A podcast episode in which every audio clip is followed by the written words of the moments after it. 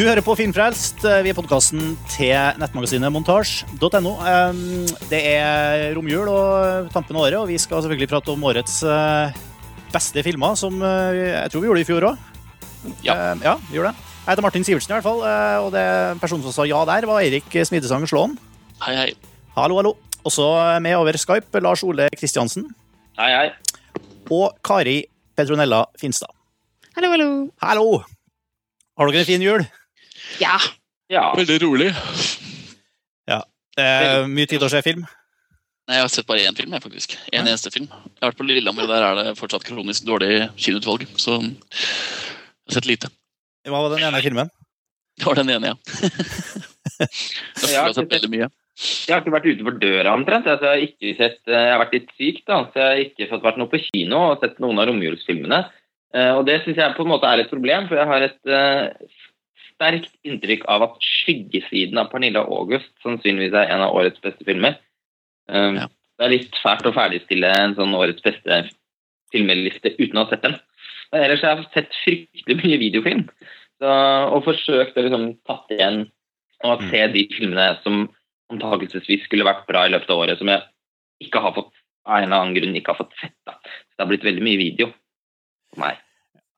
For det er jo det vi har gjort her eh, nå eh, på montasje i år som eh, i fjor, at vi har på en måte bedt redaksjonen og andre folk som er tilknyttet montasje, å, komme med sine, sette opp sine topplister for åra. Og da er det jo nødvendigvis en liste over de beste filmene man har sett det året. Og av en eller annen pussig grunn så valgte vi, vi, valgte vi å sette opp topp 20 i år. Så vi har nødt til å finne 20 filmer vi eh, på en måte hadde lyst til å trekke fram som, som årets beste. Og jeg må si at eh, for min egen del så syns jeg det var en eh, utfordring i eh, jeg, jeg, jeg hadde satt, Når jeg skulle sette meg ned og lage den lista her, så jeg hadde jeg syns jeg husker at jeg hadde en mye bedre følelse for, for filmåret som helhet i fjor enn jeg hadde i år. Um, jeg syns det var rett og slett vanskelig å i hele tatt eh, komme på ti gode filmer, langt mindre 20, eh, men eh, det ble jo til slutt likevel. Er deler du den, Kari? Eh, ja, faktisk. Eller eh, Det er ikke nødvendigvis at jeg mangler gode filmer, men for min egen del så ønsker jeg ofte at denne type liste skal gjenspeile litt min smak. Eh, og det som helt klart mangla for meg i år, var jo den filmen som var på topp i fjor, 'Coraline'. Altså, noen ting som er opp den gata, syns jeg det mangler litt av i år. Jeg syns ikke jeg har sett så mye um, litt sånn mørk animasjon eller uh, god sci-fi eller fantasy i år, som jeg da har sett i fjor. Altså, Star, Trek var, Star Trek var jo eksempel en million ganger bedre enn Tron. I fjor var jo det store sci-fi-året. Det har det jo ikke vært i år. Nei, har ikke det. Um, det har vært Det ting, andre Ja. ting, da. Ja. Eirik? Det var veldig merkelig, fordi vi, vi ville jo lage topp 20 fordi det var så bra filmår. Det var derfor vi skulle lage topp 20. Og når jeg satt meg ned og skulle lage topp 20, så, så sleit jeg med topp 5, faktisk. For jeg syns altså, synes det har vært et skikkelig dårlig filmår. Det har kanskje vært et bra amerikansk filmår, men et veldig dårlig europeisk eh, og asiatisk filmår. Etter at Europa og Asia dominerte så fullstendig i fjor. Da. Men eh, nei, jeg vet ikke, jeg, jeg har slitt som deg med å lage en, en topp 20 og topp 10. Så ja. Men Lars Ole, du sliter aldri. Nei, jeg sliter ikke. Jeg har sett fryktelig mye film i år, da. Så jeg, har, jeg sitter og jeg har en sånn liste, pri, privat liste som er laget på Mubi.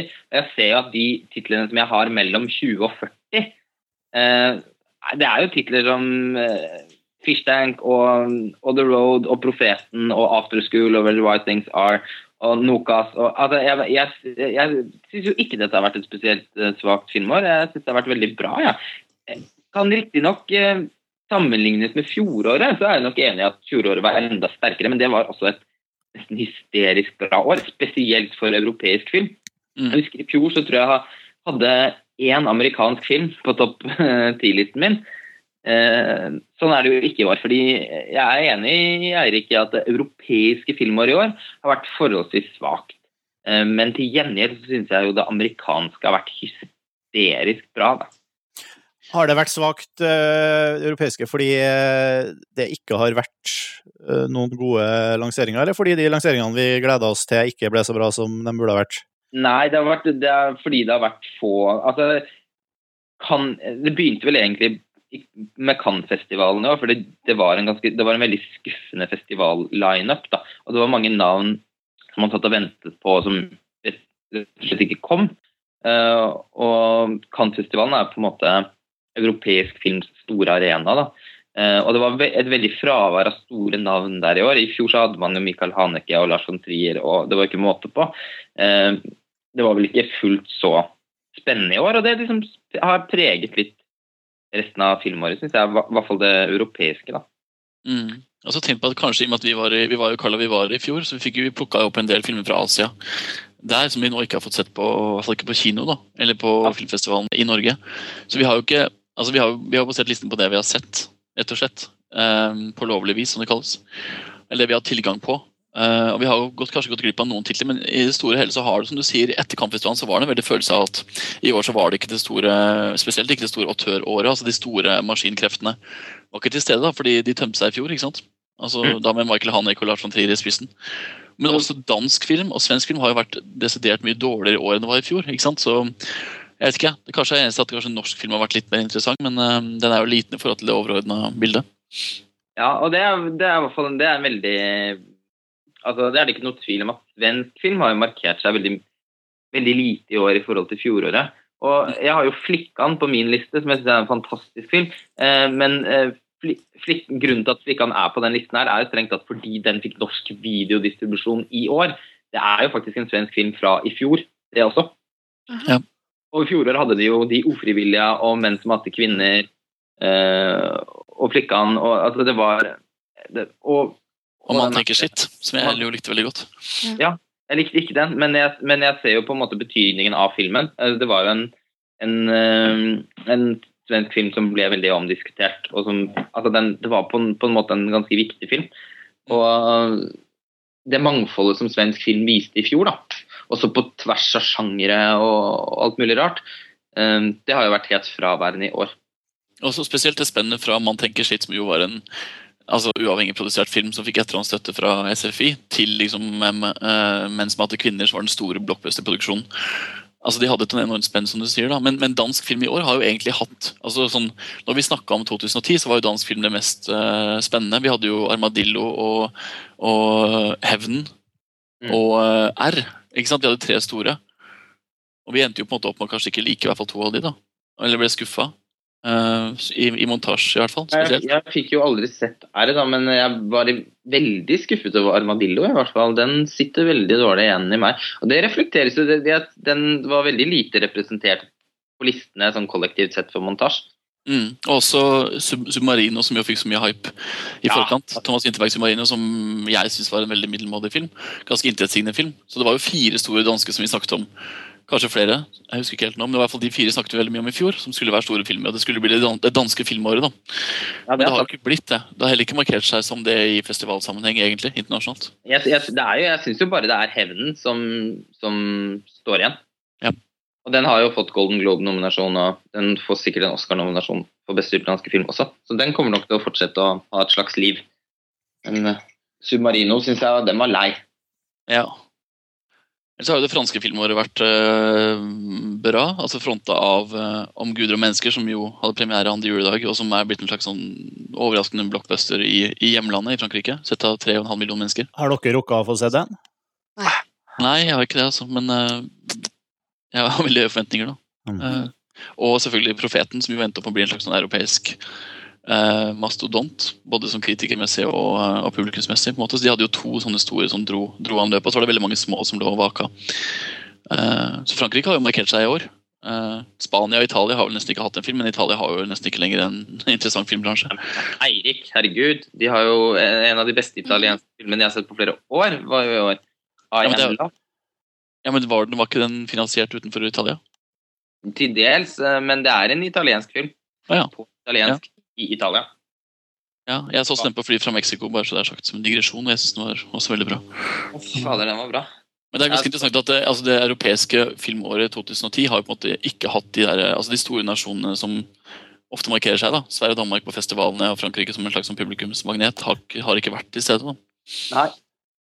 Uh, Nei, selv om uh, Gené også sånn, sin Micmac var jo mer sånn hva skal jeg si, hyggelig, men ikke så mye mer enn det i år. Så Nei, det Det er jo kanskje eksempelet, for den, den floppa jo i hjemlandet og ble slakta av kritikerne. ikke sant? Så den, eh, den skulle på en måte den være var- tentballen, såkalt, i Frankrike. jeg syns den var morsom nok, men på en måte den, den står over- den er overhodet ikke på høyde med det som har kommet før. Nei, jeg er også enig i det. Jeg syns også det var en fornøyelig film å se, men uh, den sitter veldig lite i etterkant. Den er ganske forglemmelig, og uh, desidert Jean-Pierre Genets svakeste film, uh, syns jeg. Faktisk kanskje også svakere enn Alien Resurrection. Ja, jeg var litt sånn Jeg tror kanskje Ja. ja. Jeg tror kanskje jeg syns Alien Resurrection er hakket svakere. Kan vi regne med, med blant årets skuffelser allikevel? Altså filmer vi får Eh. mye av. Ja. Ja, det kan man jo si. Selv om jeg synes, som sagt, syns jo at det er en hyggelig film. Ja. Eh, årets skuffelser, er det betimelig å si litt om det òg? Mens vi først er på Ja. en nedtur her.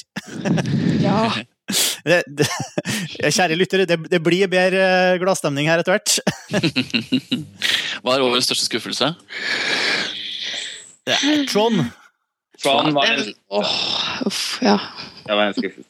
Kanskje i blockbuster-territoriet så er det vel Iron Man 2 og Tron som er de to store skuffelsene, kanskje. Ja, det signerer jeg i blod på. Eller skriver under Ja. med det, Alice in Wonderland var jo en Åh, den var skuffende. altså, det er litt sånn synd, for på, jeg, så, jeg så den også på et fly, faktisk, eh, på vei fra India. Men, Den var jo da, jeg tenkte liksom først at kanskje var det fordi jeg så den på en sånn liten dusteskjerm, men nei, altså, den er jo bare rett og slett ikke noe bra. Nei. Det, jeg skrev artikkel på den på montasje og slakta den og syntes Ja. den var helt eh, som Tim Burton-fan, som deg, Kari. ikke sant? Så Ja. forventningene var jo skyhøye. Han skulle jo på en måte lage det ultimate Tim Burton-eposet. Ja, det er jo virkelig sånn der, åh, uh, Ja, Det er jo drømmematerialet for, eh, for Burton, virkelig. liksom. Men det var så eh, klinisk og disnifisert at det var helt Altså, Jeg så, jeg så den det, på flyet og jeg synes den var enda mer grusom når jeg så den uten 3D-brillene. Jeg synes det var helt Det er helt liksom, av manus. På en måte, den mangler, det, det finnes jo ikke et fnugg støv i den filmen, tenker jeg. Den er veldig klinisk, og det er greit, at det skal være eventyr, men uh, Nei, det fungerte overhodet ikke for min del. Jo, jeg, jeg, jeg vil jo også regne den siste Harry Potter med som en skuffelse, men da kan jo Lars Ole uenig. meg over podkast. Ja. Eh, Jeg Kjempeuenig. syns, jeg syns altså, Harry Potter skal ha for ambisjon og det kunstneriske, men som film så mangla den fullstendig den der tilhørigheten som jeg følte til de forrige filmene. Men jeg skal se den opp igjen, da. Men eh, dere mener at det er blant årets beste filmer. Så Mm. er det ikke en halv film? Jo, det er på en måte det, da. Det er nesten litt vanskelig å vurdere den ferdig før man har sett del to. Eh, Jeg tror nok også filmen sikkert vil vokse ytterligere av å være halvparten av en større film. Men ja. når jeg har, ved, ved flere gjensyn så syns jeg den filmen vokste noe voldsomt. Jeg syns den er veldig, veldig god. Kanskje den nesten den beste i serien så langt. Det Ja, jeg er helt enig.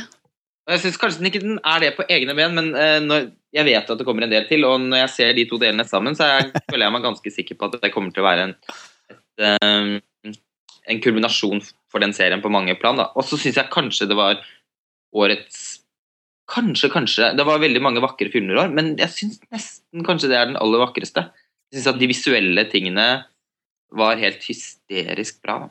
Du er helt enig. Her kommer jeg sikkert til å snakke litt om senere også, men ja, jeg syns den er visuelt veldig vakker. Jeg syns den er veldig godt regissert. Jeg syns han har eh, tatt eh, et element av historia, og uten at det blir kjedelig, virkelig lagt vekt på uh, det her forholdet mellom karakterene. Og den er utrolig menneskelig, samtidig som den jo selvfølgelig er et eventyr.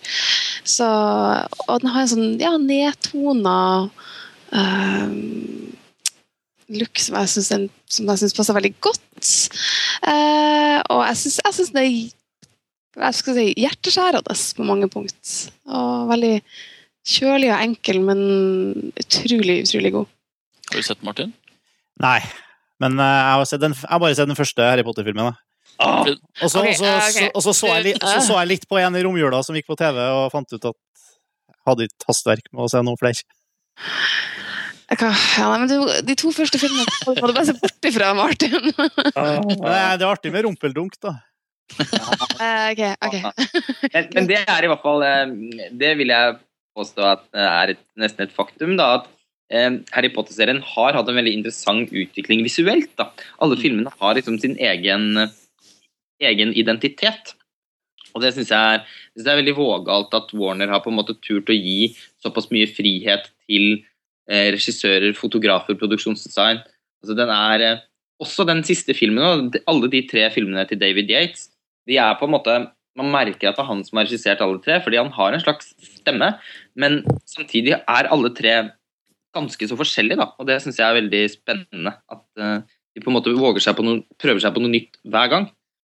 Ja, Det er altså samtidig ikke- som eh, jeg vil si at Kvaran satt jo litt eh, standarden for, eh, for scenografien. Altså det, det er jo en stor forandring i film nummer tre, som også gjenspeiles i resten av filmene. da. Hva, hva Nå, du nå, si, nå, Eirik? nå, nå, nå blir det her en Harry Potter-podkast. Ja, Det, kan- det, det kan dere to lage når vi er ferdig med hele serien. Så kan Martin Ja. sitte på utsiden og Vi lager en egen, da skal jeg se alle sammen på en kveld. Ja, ja. Men vi er, Eller, vi eller to enige må det bli. at- Ja. vi er enige om at Trond og Alice i Eventyrland og Iron Man 2 vel er de store blockbuster-skuffelsene i eh, 2010. Ja, jeg må komme med én til. det, det kan man, man kan jo ikke si at det var en skuffelse, fordi forventningene var vel også astronomisk lave. Men jeg så likevel kanskje ingen dårligere film i år enn 'Luftens siste mester'. Å, Å jeg burde jo se den. Jeg trodde det var Hjem til jul, da. å, jo, den var også forferdelig, men, Uh, men eh, M. Night Shyamalan's Ja. nye. jeg må nok medgi at uh, 'Luftens siste mester' nok var enda dårligere. Det var en absolutt bunnotering. Er det noen av dere som har sett den filmen? Nei, nei. nei. Ja, det, er, det er liksom din årets dårligste film 2010. ja det tror jeg faktisk. Hva er din, Martin? Min dårligste Oi. Mm. Um, nei, det har jeg ikke Nei, det er sant. Jeg tror kanskje, jeg tror kanskje årets dårligste film i forhold til forventninger og potensial og eh, ja, er Hjem til jul. Bent Hammers Hjem til jul. Ja, I forhold til det så er det nok den største skuffelsen, kanskje. Mm. Ja, fordi man hadde jo faktisk, Hvis vi skal snakke litt om norsk film, da, for å ta liksom litt sånn Det må vi gjøre. ting i rekkefølge, så har jo norsk film vært veldig Det har vært en real berg-og-dal-banetur i hele 2010. Det har vært noen virkelig store, bra filmer som har vært jf. forventningene, vært overraskende vellykka. F.eks. Lokas, da, som vi kan snakke om etterpå. Eh, men eh, Hjem til jul var jo faktisk en film som folk kanskje trodde skulle bli liksom Bent Hammers til nå største publikumssuksess, basert på en roman som mange har lest. og i hele tatt, Men så begynte kanskje å hinte litt om den- når den ikke kom på de store festivalene, da, spesielt Kampfestivalen osv. Så, videre, og så fikk vi jo se den, og så viste den seg å være rett og slett en fordummende og rett og slett ganske kvalm film. Altså, Jeg har fortsatt problemer med å høre Maria Mena-låten på radio. Jeg slo den senest av i går. eh, til, til pappas store fortvilelse, for han elsker jo den låten. Men det er jo ganske mange som liker den, da. Det er veldig mange som liker den, men det er ikke mange som har sett den. da. Det er, altså, det er mange som har sett den, det er ikke veldig mange. Nei. Eh, Nei, som vi, som vi så har sagt tidligere, så har jeg jo sett en del på forum og kommentarer fra Om du vil Værmannsen, at veldig mange sier 'Å, gud, det var en dårlig film'. Så jeg tror det er en ganske sånn eh, konsensus der ute om at det var en elendig film. Ja, det tror jeg. jeg. Jeg kjenner veldig mange som har sett den filmen, og som ikke er sånn spesielt filminteresserte mennesker, som også syntes at den filmen var virkelig fæl. Så jeg, jeg har ikke truffet noen som har likt den filmen. Nei. Det ble jo også den store skuffelsen redd kritikermessig. Nå har vi skrevet en kjempeartikkel om det på montasje, men det ble jo også den filmen som avkledde norske kritikere for hvor banale de egentlig er. da. Altså Hvor utrolig tafatte de er. At halvparten sover i kinosalen, rett og slett. Fordi de kan jo ikke ha sett Hjem til jul. Um, jeg vil påstå at det er, altså Hjem til jul er norske, altså det er faktisk norsk filmbransje. Det er, eh, Den norske, den norske skandalen 2010 er egentlig Hjem til jul. altså. Hva med Maskeblomstfamilien? da? Den har du jo skrevet fordi- hardt om. Jo, ja, jeg skrev en lang artikkel om Maskeblomstfamilien på montasje, men igjen, da, det Hjem til jul overgår Maskeblomstfamilien, rett og slett. Mm. I, eh, I grusomhet, fordi den er så publikumsfrieri. altså Den er så søtladen og kvalm, da. Og den er så utrolig kalkulerende i, eh, i formen, rett og slett. Um, så det, en gjør stor den verre. Det gjør den eklere. Ja, for Maskeblomstfamilien er jo ikke ment å være en hyggelig film i utgangspunktet. Tross alt. Og den kunne jo, altså Hadde den fungert, så hadde den vært enda mer publikumsfiendtlig. Det, altså det burde den jo ha vært.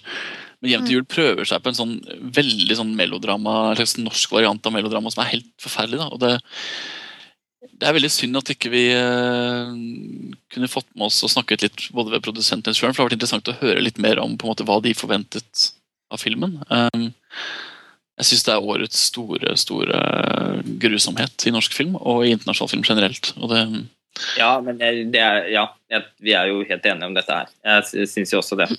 Eh, bare slått av eh, M. Night Shyamalans siste. Eh, En annen ganske skuffende film da, som faktisk jeg så på tampen av året i denne kampen min for å se alle disse filmene jeg ikke har fått sett, det var, var Alain Resné sin mye ja, hva skal vi si, omtalte film Wild Grass. Ganske kritikerrost, det, for så vidt. Ja, den er absolutt kritikerrost, og fikk eh, en spesialpris i Cannes-festivalen i fjor. Uh, og Allan Resnes er jo 87 år gammel, og i det hele tatt uh, så er det på en måte imponerende at han fortsatt lager film. Uh, men jeg slet veldig med den forrige filmen hans, som het 'Hjertkør' på, på fransk. Jeg husker ikke den, den engelske tittelen nå. Den syns jeg var veldig dårlig. Og Wildgrass var litt bedre, men jeg må også medgi at det var en Jeg stiller meg veldig uforstående til at den har fått så mye anerkjennelse. Jeg syns det var en, en veldig en gammel manns film. Jeg syns det var synes det var, jeg synes det var glorete Jeg syns det var ganske dårlig spilt, merkelig story, story som jeg ikke klarte å få fatt på. Veldig merkelig film, syns jeg, og ikke på en positiv måte. Det høres ut som han la ned de siste ti årene. da. Det høres ut som liksom sånn at han har rota seg bort til alderdommen på flere måter.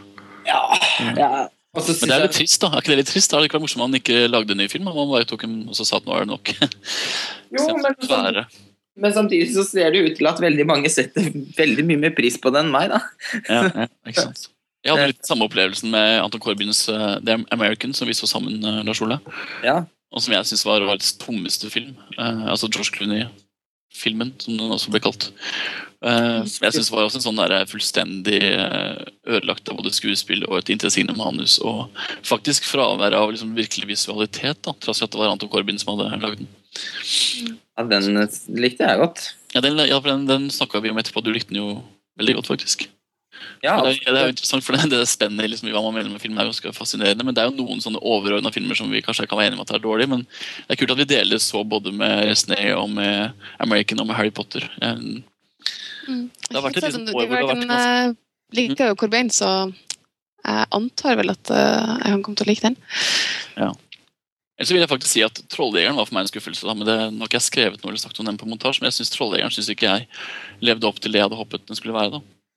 Um, den vet jo at Martin, du syns jo den var veldig veldig bra. Jeg, jeg, var, jeg ble positivt overraska. Jeg hadde jo ikke åpenbart ikke forventa meg så mye som det. så jeg, var ganske høyt på listene dine? Eh, ja, jeg tror den kom ganske høyt opp på lista mi. Jeg sitter jo fortsatt og fin, finjusterer lista i det vi tar opp det her, men uh, den ligger et sted midt på. Ja. Jeg tror både jeg og Lars Ole var veldig delt i forhold til Trollejegeren fordi at vi syns enkelte elementer var veldig veldig bra, mens andre ting ikke fungerte så godt. Jeg, jeg synes jo Som helhet så er det kanskje ikke så Men det var veldig mye, jeg synes det var veldig mye friskhet i den. Veldig mye sånn uh, skjedd artige påfunn. da, som uh... Jeg synes vel Det som jeg, det eneste liksom, problemet jeg har med den filmen, tror jeg, det er vel Bortsett fra at den er litt for lang og uh, at Ja, nei, det, det er, den har noen, en del skjønnhetsfeil også, men først og fremst så syns jeg jo det mokumentargrepet jeg skulle jo ønske at det ikke var en dokumentarfilm, og det er på en måte en litt dust kritikk å komme med til filmen, fordi filmen er jo det den er. Uh, og det er jeg som har laget den, så jeg, så det blir jo litt dumt å på en måte kreve at den skal innfri noen helt sånn ja, Det skal være en annen film, ja. Ja, men jeg syns jo dette dokumentargrepet er veldig forslitt, da. Det er ikke veldig originalt, og jeg blir litt sånn åh, Ja, jeg blir litt oppgitt nå på en måte filmen får kred for at morsom, altså, det, det, blir veldig typisk norsk. Synes jeg det er sånn, Kjempemorsomt grep. Det er på en måte en dokumentarfilm. Ja, det har vi sett veldig mange ganger før. Og vi har også sett det bedre gjennomført Eh, og mer finurlig før, syns jeg. Eh, det syns jeg på en måte hemmer litt av filmens originalitet. Da. Fordi det er det jo ellers. Og jeg syns det var eh, en tidvis fryktelig morsom og, og absolutt veldig severdig film, så jeg likte den godt. Men og det, og det, er jo en av grunnene til at jeg synes som setter den såpass ut. Den var rett og slett hjertelig morsom, liksom. Og det ja, på en, på en Det er jo Otto Jespersen, det er jo det vi ja. Ikke sant?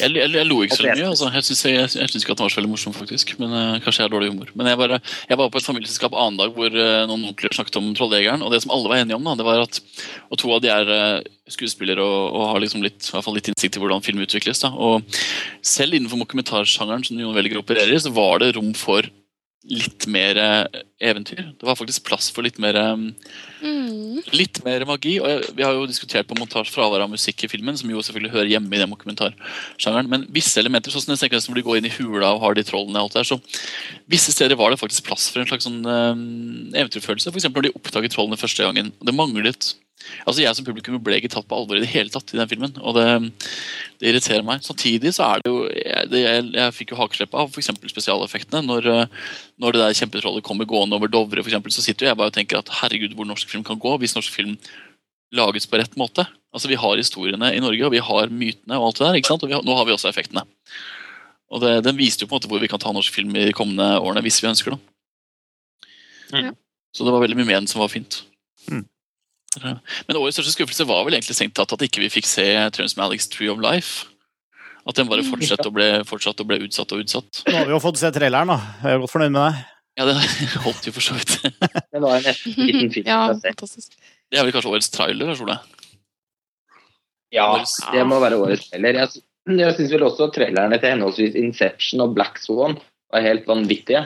Eh, Men eh, jeg tror nok True of Life likevel må gå av med den seieren. Den traileren har jeg sett sikkert 30 ganger nå, og jeg blir ikke mett på den. Det er en hel, det er en hel film, da. Flott. Ja, den er helt utrolig. Ja, faktisk. Det er jo, det er jo et fram, til vår, eh, vår liksom, eventuelt en forventningspodkast om 2011, så er vel Tree of Life som kommer til å dominere forventningene i neste år. Det er nesten litt skummelt, for den, den traileren er så god, og det ligger så mye som eh, trigger fantasien. Det ligger så, altså, De hadde gått og pakke inn så på en måte mye mellom linjene i så få minutter, er jo helt utrolig. Men det gjør at jeg nesten blir redd for hvordan filmen kommer til å svare til de forventningene. Er det litt sånn Where the Wild Things Are-vibba. Ah, kanskje? Jo, men samtidig så er det så mye mer. da. Det er, for eksempel, det, er noen Ja. tydelige ideer om at denne Ja. lille familien skal liksom styres av noen sånne overordna krefter, eller at det hele skal ses via en slags sånn overordna naturkraft. da, Som jo er Det veldig ligger, altså, det, liksom, det ligger liksom så utrolig mange lag med, med metaforer og symbolikk i den traileren. Og det, det burde jo lovgås godt for filmen, selvfølgelig, for all del. Jeg er veldig redd for, at jeg, jeg er redd for å bli skuffa. Mm, mm. Vi får bare håpe at vi kan se den sammen på Kampfestivalen, så får vi lage en live podcast fra Kampfestivalen Mm, yeah. når vi går ut av um, ja, en av salene. Live podkast. Det blir vårt nye konsept. det var kanskje ikke det. Sju timer. Det pleier Ja, ja, aldri å være live. Nei, ikke sant. Eh, Men nå har vi sutra nok. Ja, Skal vi eh, snakke om de gode filmene i år? det. Eh, og det er jo Nå sitter jeg jo med alle våre fire uh, topp 20-lister foran meg her. Vi begynner med lista di, Kari. Okay. Du har følgende uh, av Det er jo en topp 20-liste her, altså, men de fem øverste På førsteplass, årets beste film, uh, syns du var Inception. Det er du ikke alene om her på montasje. Eh, deretter har du Harry Potter og Dødstalismanene, del én, som også er første del av den to den store finalen på Harry Potter-serien, og neste film kommer vel neste år. Eh, På tredjeplass Toy Story 3. Eh, også en gjenganger på listene våre.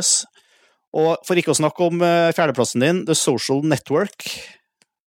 Som også er Altså, det er jo de, veldig mye av de samme filmene vil dere vil vi oppdage etter hvert som, som går igjen her. Og så på femteplass Kickass. Det er vel eh, Ja, det er dine toppfilmer, Kari. Der har du det er vel ja, det er vel kanskje to filmer som uh, skiller seg litt ut her, da. Hva mener du, Kickass og Harry Potter? Ja, det er jo det. Altså, det som man kan si generelt om lista mi, at uh, lista mi skiller seg veldig mye mindre ut uh, i år enn den gjorde i fjor. Det har kanskje litt med at vi har sett flere av de samme filmene, men også litt med, som jeg sa innledningsvis, at jeg syns det var et dårligere år for fantasy, science fiction og animasjon. Eh, I hvert fall den eh, mer mørkere delen av animasjonen. Eh, og det er jo også litt derfor kanskje at jeg har med filmer som Harry Potter og Kickass, som på en måte stemmer veldig godt overens med min smak, mine preferanser.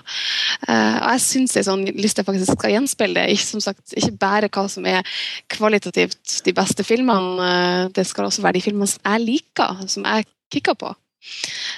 Og det er jo da derfor jeg har med Kickass, det er derfor jeg har med Harry Potter. eh, og jeg kan jo i den sammenhengen også nevne det her med animasjon og mørk animasjon i den, Inne i Harry Potter er det en liten animasjonssekvens til uh, The Tale of Three Brothers, en historie som dukka opp i filmen. Den er regissert av Ben Hyben og er virkelig den fineste animasjonen jeg har sett i år.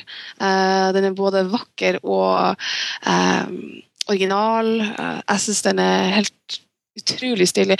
Så den kun for å se det alene, så vil jeg mm. anbefale Harry Potter. Vi skal gå litt gjennom alle sine lister, så skal vi plukke ut noen av de kanskje de filmene som, som vi har lyst til å prate om etterpå. Hvis Vi bare hopper videre til, til Lars Ole sin. Lars Ole, dine topp fem. Ja. Nummer, nummer én, Inception. Nummer to, Polanskis Skyggen. Yeah. The Ghostwriter, som den heter på engelsk. Og nummer tre skal jeg ikke prøve meg på originaltittelen. Det er altså onkel Bonmi som kan erindre sine tidligere liv. Uh, som er Hva sa du, Lars Ole? Ja, nettopp. Som, som jeg skulle sagt det sjøl. Uh, på, på, på, på fjerdeplass The Social Network. Og på femteplass, du også faktisk, på femteplass Kickass. Ja. Uh, nei, altså jeg, jeg, er veldig fornøyd med den topplista, holdt jeg på å si. Uh, det vil jeg håpe. Det vil jeg håpe. Ja. Det er viktig å si at ingen, ingen, jobber mer med listen sin enn Lars Ole, kjære lyttere. Nei, det er sant. Han jobber med den hele året, så Også mest fornøyd. Ja, det er, det er, veldig, det er veldig blodig og alvor for meg, og det er nøye avveid. Altså, ikke nøyaktig avveid. Uh, men, men, også veldig veldig ærlig. da. Dette var de fem beste filmene jeg så i år av tusen ulike årsaker. Førsteplassen for meg var helt åpenbar i år. Eh, jeg syntes Inception, jeg så Inception fem ganger på kino, og jeg kan med hånda på hjertet si at det er en av de beste filmene jeg noensinne har sett i sin sjanger. Eh, og jeg syns det er Christopher Nolan så langt beste film. Eh, jeg syns også The Dark Night var helt fantastisk. og dessverre ble Christopher Nolan slått på målstreken i, i 2008 pga. en liten film som het 'There Will Be Blood', som gjorde at The Dark Knight ikke fikk rett film for min del. Dessverre. Men eh, da fikk altså Christopher Nolan sin revansj eh, i år. Jeg syns 'Inception' er eh, et helt fantastisk stykke filmarbeid. Eh, og det er en film som for meg Eh, jeg har vel aldri lagt skjul på, heller ikke i omtalen mine på montasje, at jeg er veldig veldig glad i utpreget filmete filmer. Eh, og 'Inception' er jo en ekstremt filmete film. Eh, jeg syns jo nesten 'Inception' handler om film. Den Altså Christopher Nolans evner som retoriker da, synes jeg viser seg som helt vanvittige i, Inception. Jeg synes at Måten han bruker virkemidler på, måten han orkestrerer hele filmen sin som en symfoni på, det er rett og slett noe av det mest pustberøvende jeg har sett. Så uh, Inception er en suveren førsteplass uh, for meg. og og overhodet ikke for, for meg så antyder overhodet ikke det at det har vært noe svakt filmår. Tvert imot. Inception ville fått førsteplass nesten hvilket som helst år, tror jeg, for min del. Et mesterverk. Eh, plass nummer to var jo kanskje årets gledeligste overraskelse. At Roman Polanski, som er en av mine topp ti favorittregissører, har laget sin beste film siden 'Bitter Moon', eh, altså hans beste film på 20 år. 'The Ghostwriter' er eh, et så fantastisk stykke filmarbeid at, jeg, at altså, altså man gliser jo bare fra øre til øre over å se på den se den perfeksjonismen som ligger i, i Roman Polanski sitt forteller, eh, sin fortellerteknikk og, og, og filmhåndverk. Eh, en utrolig elegant film. Fantastisk filmspråk. Nydelig manus. Ganske morsom, eh, men på en veldig mørk måte. Glitrende spilt av absolutt alle. Eh, Ewan McGregor eh, og Olivia Williams spesielt. Pierce Brosnan i sin kanskje beste rolle noensinne. En rolle han var fett til å spille, som den kløsa han er. Og ikke minst hun Hva er hun heter igjen, hun fra Sex and the City? Samantha. Kim Cattrall? Kim Cattrall, ja. Hun nå gjør en veldig, veldig fin rolle i filmen. Eh, fantastisk musikk av Alexandre Desplat. Eh, altså, en klassisk thriller eh, som dessverre Det er jo en type film som det lages altfor lite av i dag. Eh, og som jeg virkelig setter mer pris på enn nesten noe annet. så Polanskis 'Skyggen' var en ganske suveren andreplass eh, for meg. Og så er det en film som veldig få har sett. 'Onkel Bonnet som kan erindre sine tidligere liv'. Den har blitt vist uh, fordi den ble vist i forbindelse med Film fra sør. Og den vant jo Gullpalmen uh, i Cannes i år.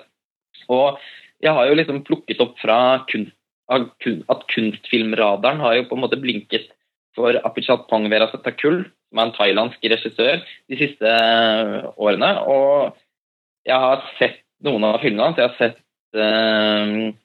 Jeg har, har sett blant bl.a. Uh, 'Syndromes of a Century', som var den filmen som jeg likte best av de tidligere filmene. Jeg synes det var uh, en veldig, veldig flott film. Og med Bond med så syns jeg han faktisk klarte å overgå den. En utrolig hypnotiserende filmopplevelse. Veldig sanselig film. Uh, og en veldig krevende film. Jeg tror det er veldig mange som vil mislike den og synes den er kjedelig eller bare utrolig merkelig og rar. Eh, men det er Jeg syns at han, han, klarer å skape noen bilder og noen stemninger som, som i hvert fall griper meg veldig. Jeg, føler, jeg følte at, jeg liksom, at filmen pakket seg rundt meg omtrent som en kokong. da. Det var en veldig merkelig følelse. Og jeg satt helt nummen og eh, trollbundet da, i to timer. Eh, jeg syns det var en helt spesiell og veldig, veldig fabelaktig filmopplevelse. Som jeg varmt vil anbefale, eh, selv om jeg også regner med at mange ikke vil like den like godt som meg. The Social Network på fjerdeplass er jo på en måte bare er, Det er helt åpenbart at den er veldig høyt på lista. At den ikke er enda høyere, indikerer jo for meg at det har vært et veldig sterkt filmår. Eh, fordi The Social Network er en, altså nesten en latterlig perfekt film. Det er et typisk mesterverk eh, og en øyeblikkelig klassiker. Eh, og det er fordi at For det første så syns jeg det var utrolig gledelig at David Fincher, etter å ha hatt en litt sånn kunstnerisk sabbat, eh, virkelig kom tilbake og slo hardt. Jeg syns dette er den klart beste filmen han har laget siden Fight Club. Og det er jo elleve år siden, så det var på tide. Eh, og jeg syns at eh, Altså jeg, jeg, tror det kommer til å komme mange filmer om Facebook. altså Facebook har jo blitt en så stor del av vår hverdag. En veldig skremmende stor del av vår hverdag. Det har på en måte endret eh, hele måten vi kommuniserer med andre mennesker på, måten vi forholder oss til ukjente på osv. Så, videre.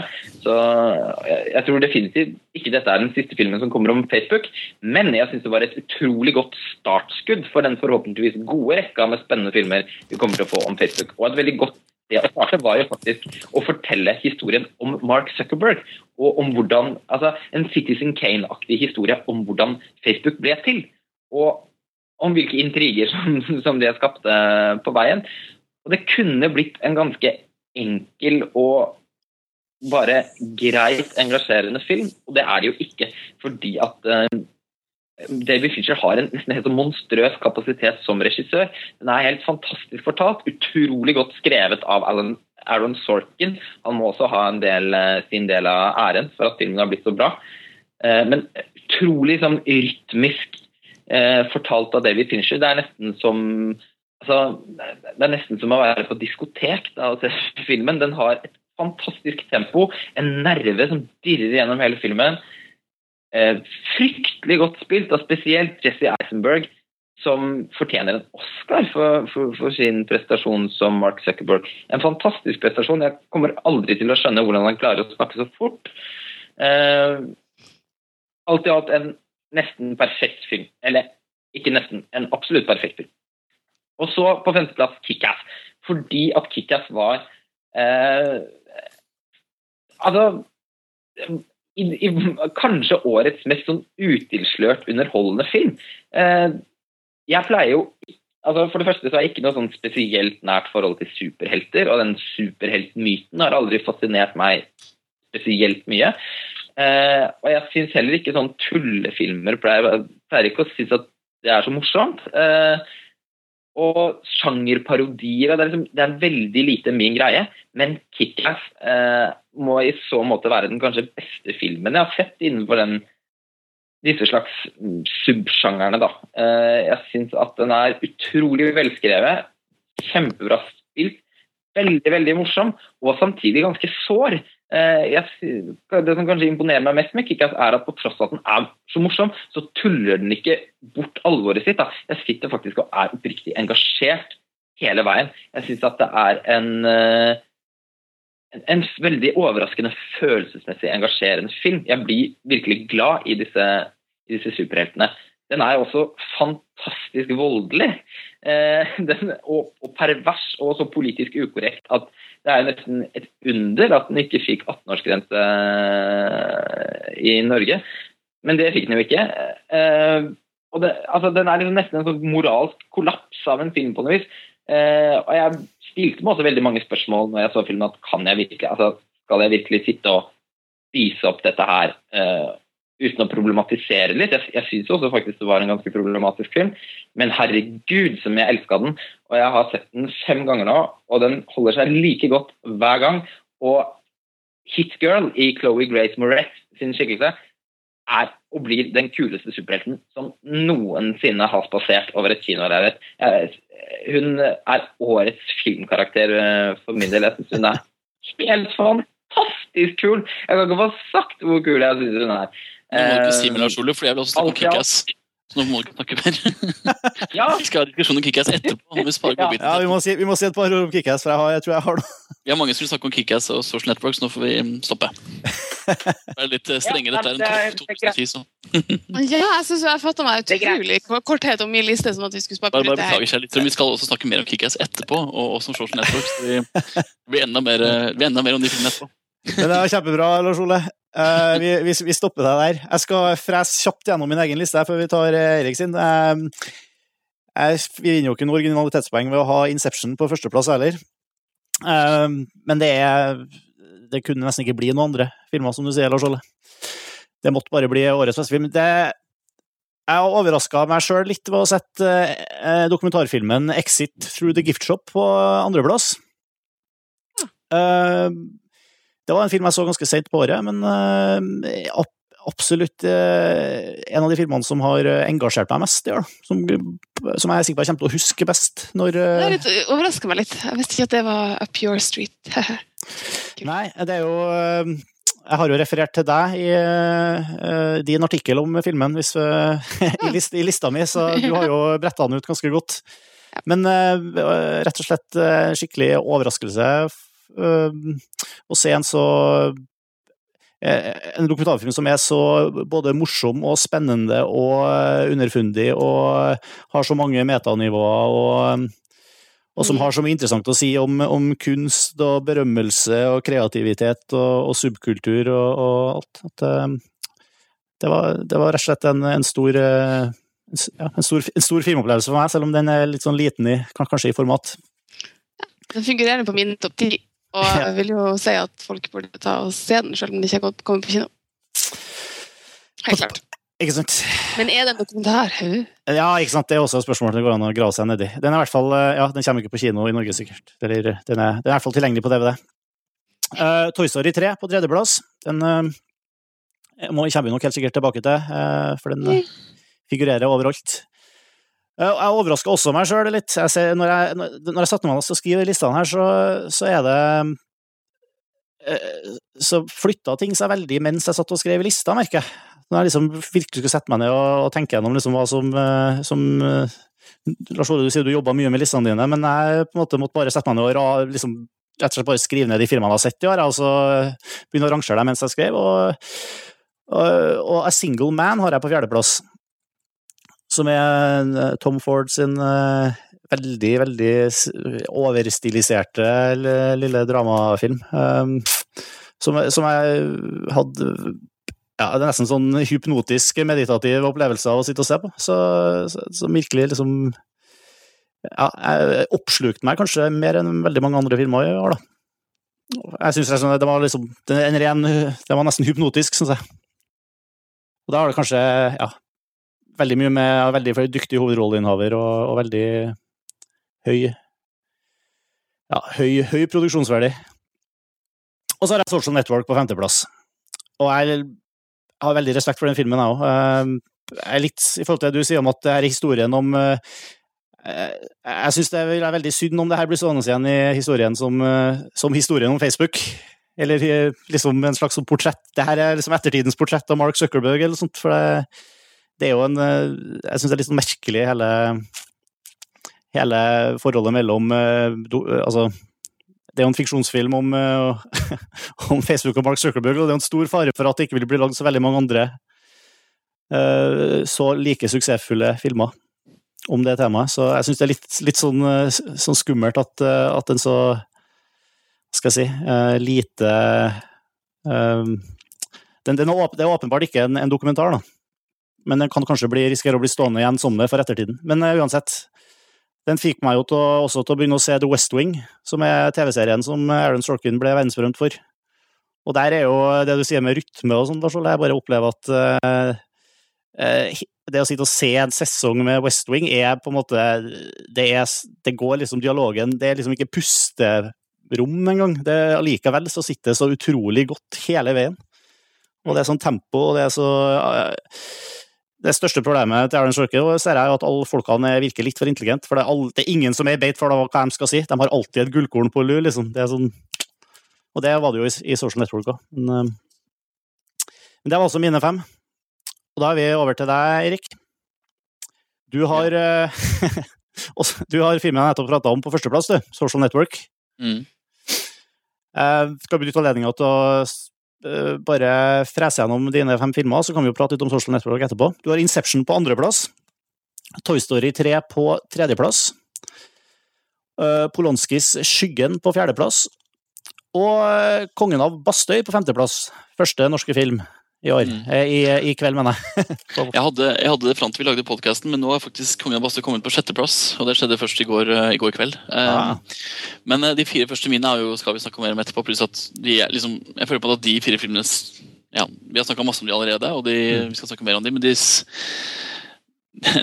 de oppsummerer på en måte det jeg liker med film. da, og Jeg er veldig svak for det som er perfeksjonert på film. og det, Jeg liker det som er liksom fullstendig klinisk dyrka frem. da. Og Hvis det attpåtil er følelsesmessig engasjerende, så faller jeg for det ganske fort. da. Eh, jeg hadde jo A Single Man i fjor på min toppliste. Og nettopp for at det var en sånn kombinasjon av det veldig sånn helt, helt utrolig perfeksjonerte av Tom Ford med det veldig emosjonelle. da. Uh, mm. Og The Social Network ble jo en sånn film for meg, men det kan vi snakke om etterpå. Uh, Inception, uh, som Kari kan supplere meg på senere, hadde ikke jeg trodd skulle overleve særlig lenge. for Jeg syns det er en film som har veldig mange skjønnhetsfeil. Jeg syns ikke at det er en fullendt film, men den har holdt seg så utrolig godt. hvorfor kan vi snakke om etterpå?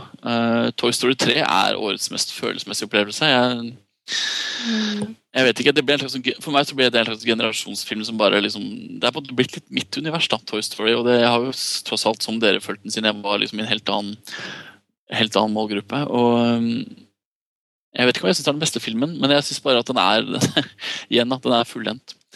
'Blanske Skyggen er en sånn film som sånne folk som oss, som elsker film og elsker å gå på kino, rett og slett bare må elske. fordi det er ikke så mye altså det er en sånn deilig filmopplevelse som gjør at du sitter der og bare merker at du slapper av. for Du merker at Roman Polanski har fullstendig kontroll på det han gjør. Eh, og Så får filmen bare fortsette. og Så er det på en måte bare litt å glemme alle mulige pretensjoner og forventninger og analytiske verktøy, og egentlig bare la den utfolde seg. da, og det Jeg syns det er liksom årets deiligste filmopplevelse. Men det som skjedde i går, eh, som er kanskje mer interessant å snakke om, fordi den figurerer ikke på de andre listene, er at eh, jeg så eh, Maria Sødals 'Limbo' for første gang sammen med mamma og pappa. Og Jeg visste jo at Limbo var en bra film, for det hadde jeg skjønt av, av flere i montasje, spesielt av Sol og Karsten. Men jeg, jeg, hadde ikke trodd at Limbo skulle være så eh, robust som film. Fordi norsk film faller ofte gjennom etter noen år og blir fort litt sånn tafatt. Fordi det alltid finnes en mer interessant dramafilm fra Danmark eller et mer interessant uh, horror-epos fra Frankrike eller uh, ja, andre land. Men Limbo føler jeg er den første norske filmen som virkelig altså på lengre som virkelig takler dramasjangeren, og som greier å ta dramaet fullt ut. Og Det er fordi den for det første den tar uh, karakterene sine helt på alvor, og den tar karakterutviklingen fullstendig på alvor. Uh, jeg syns skuespillet, og spesielt uh, Line Verndal og Lena Endre, var bare, det var så subtilt. da, og Det var en type skuespill som norsk film aldri har råd til å ta seg tid til. Og Det handlet nesten utelukkende om ansikt. Og replikkene var da bare som staffasje. Selv om replikkene også satt som et skudd. Samtidig var det den best altså, Det er ikke så mye å sammenligne med, men det var den best fotograferte filmen i 2010. Uh, eh, noe jeg hadde trodd skulle tilfalle Kongen av Bastøy. Men um, det var en utrolig engasjerende opplevelse. Og når den da kommer på femteplass hos meg etter å ha sett den i går, så er det fordi jeg faktisk jeg lå grunna på den lenge i, i, natt. Og våkna i dag tidlig og hadde en, en, lang samtale om den ved mamma. Og mamma tok den jo veldig personlig, fordi mamma har jo faktisk vært altså hun var jo i 30-åra på den tida her hvor filmen foregår. Og den traff henne veldig i forhold til hvordan kvinneskikkelsen er skildret. da. Eh, den traff også pappa veldig i forhold til eh, mannsfigurene. og den type ting skjer ikke i norsk film. Og når da Maria Sødal har fått det til, pluss at filmen på seg, eh, helt uavhengig av det står fjellstøtt, så må jeg bare ta den med på en topp fem, fordi jeg vet ikke, det, det, ble faktisk en av de mest emosjonelle opplevelsene jeg hadde i 2010. Um, eh, på alle måter. Og jeg hadde veldig problemer med å lage resten av lista. Altså, nå havnet jo 'Kongen av Bastøy' på sjetteplass, men resten av lista mi ble, ble veldig sånn det er veldig mye, Jeg syns det er ganske mye svak film på resten av lista mi. for jeg synes ikke at det har vært noe godt filmår, som sagt. Så topp fem er faktisk de fem filmene jeg syns var virkelig interessante i 2010. Og topp 6 til 20 er filmer som ble med fordi jeg måtte fylle ut 14 eh, plasser. Og dermed, Der hører faktisk Limbo hjemme. da. Men det kan jo ta oss over til Social Network, som er første, min førsteplass. Jeg er vel den eneste i montasjen som har den på førsteplass, er jeg ikke det? Men alle har den vel ganske høyt opp. Og alle har vel satt veldig, indikert at vi liker den filmen veldig godt, hele gjengen. Ja. Jeg må bare supplere Lars Ole det han sa om, om filmen, fordi det er um, det er En ting er at det er Facebook-filmen, men det utrolige er liksom den derre altså Nå snakker vi Citizen Kane, og det er jo på en måte mange som har snakket om Citizen Kane, men uh, det interessante med Social Network at det, det, kommer til å bli stående som en sånn uh, vår tids klassiker. Og også faktisk en slags sånn, uh, liten sånn kanonfilm da, som forteller veldig mye om vår, vår samtid. Mm. Og det at det Fincher, altså Jeg hadde ingen forventninger til Social Network. Jeg trodde den skulle være ganske dårlig, basert på trailere og det jeg hadde lest av andre, andre ting. Men den er, liksom, den er så emosjonell. da, og For meg så er det en historie om vennskap og det å satse på noe. og Med oss da, som sitter i montasje og som prøver så godt vi kan å etablere montasje, leve av montasje og faktisk tro på at vi har noe som kanskje vi kan leve av, og som resten av verden er og i hvert fall litt interessert i den, den, treffer meg veldig der, og den treffer meg veldig på de utfordringene det faktisk er å drifte noe som dels er basert på som, kollegaer som er mine aller, aller, aller, aller beste venner, men som samtidig skal være kollegialt forhold. Man skal samtidig være profesjonell, man skal samtidig være ærlig og snakke om ting. Og sånne ting. Og, og så skal du dolke oss i ryggen snart? Ja, nettopp. Jeg er en av oss, da. Ja. Men det er liksom, Social Network den oppsummerer så, så veldig mye. og som Jeg sier, jeg håper det kommer mange bra Facebook-filmer. Jeg håper også at det kommer veldig mange filmer om hvordan internettet ble liksom den store gründergreia nå de siste 10-15 årene. Jeg tror ikke det kommer en bedre film om det. Jeg kan ikke forestille meg at noen greier å lage noe mer fullendt enn uh, The Social Network. Men, men, altså, ja, vi har snakka om det før, kanskje. Men uh, for, det, for det er jo ikke en film som handler først og fremst om internett.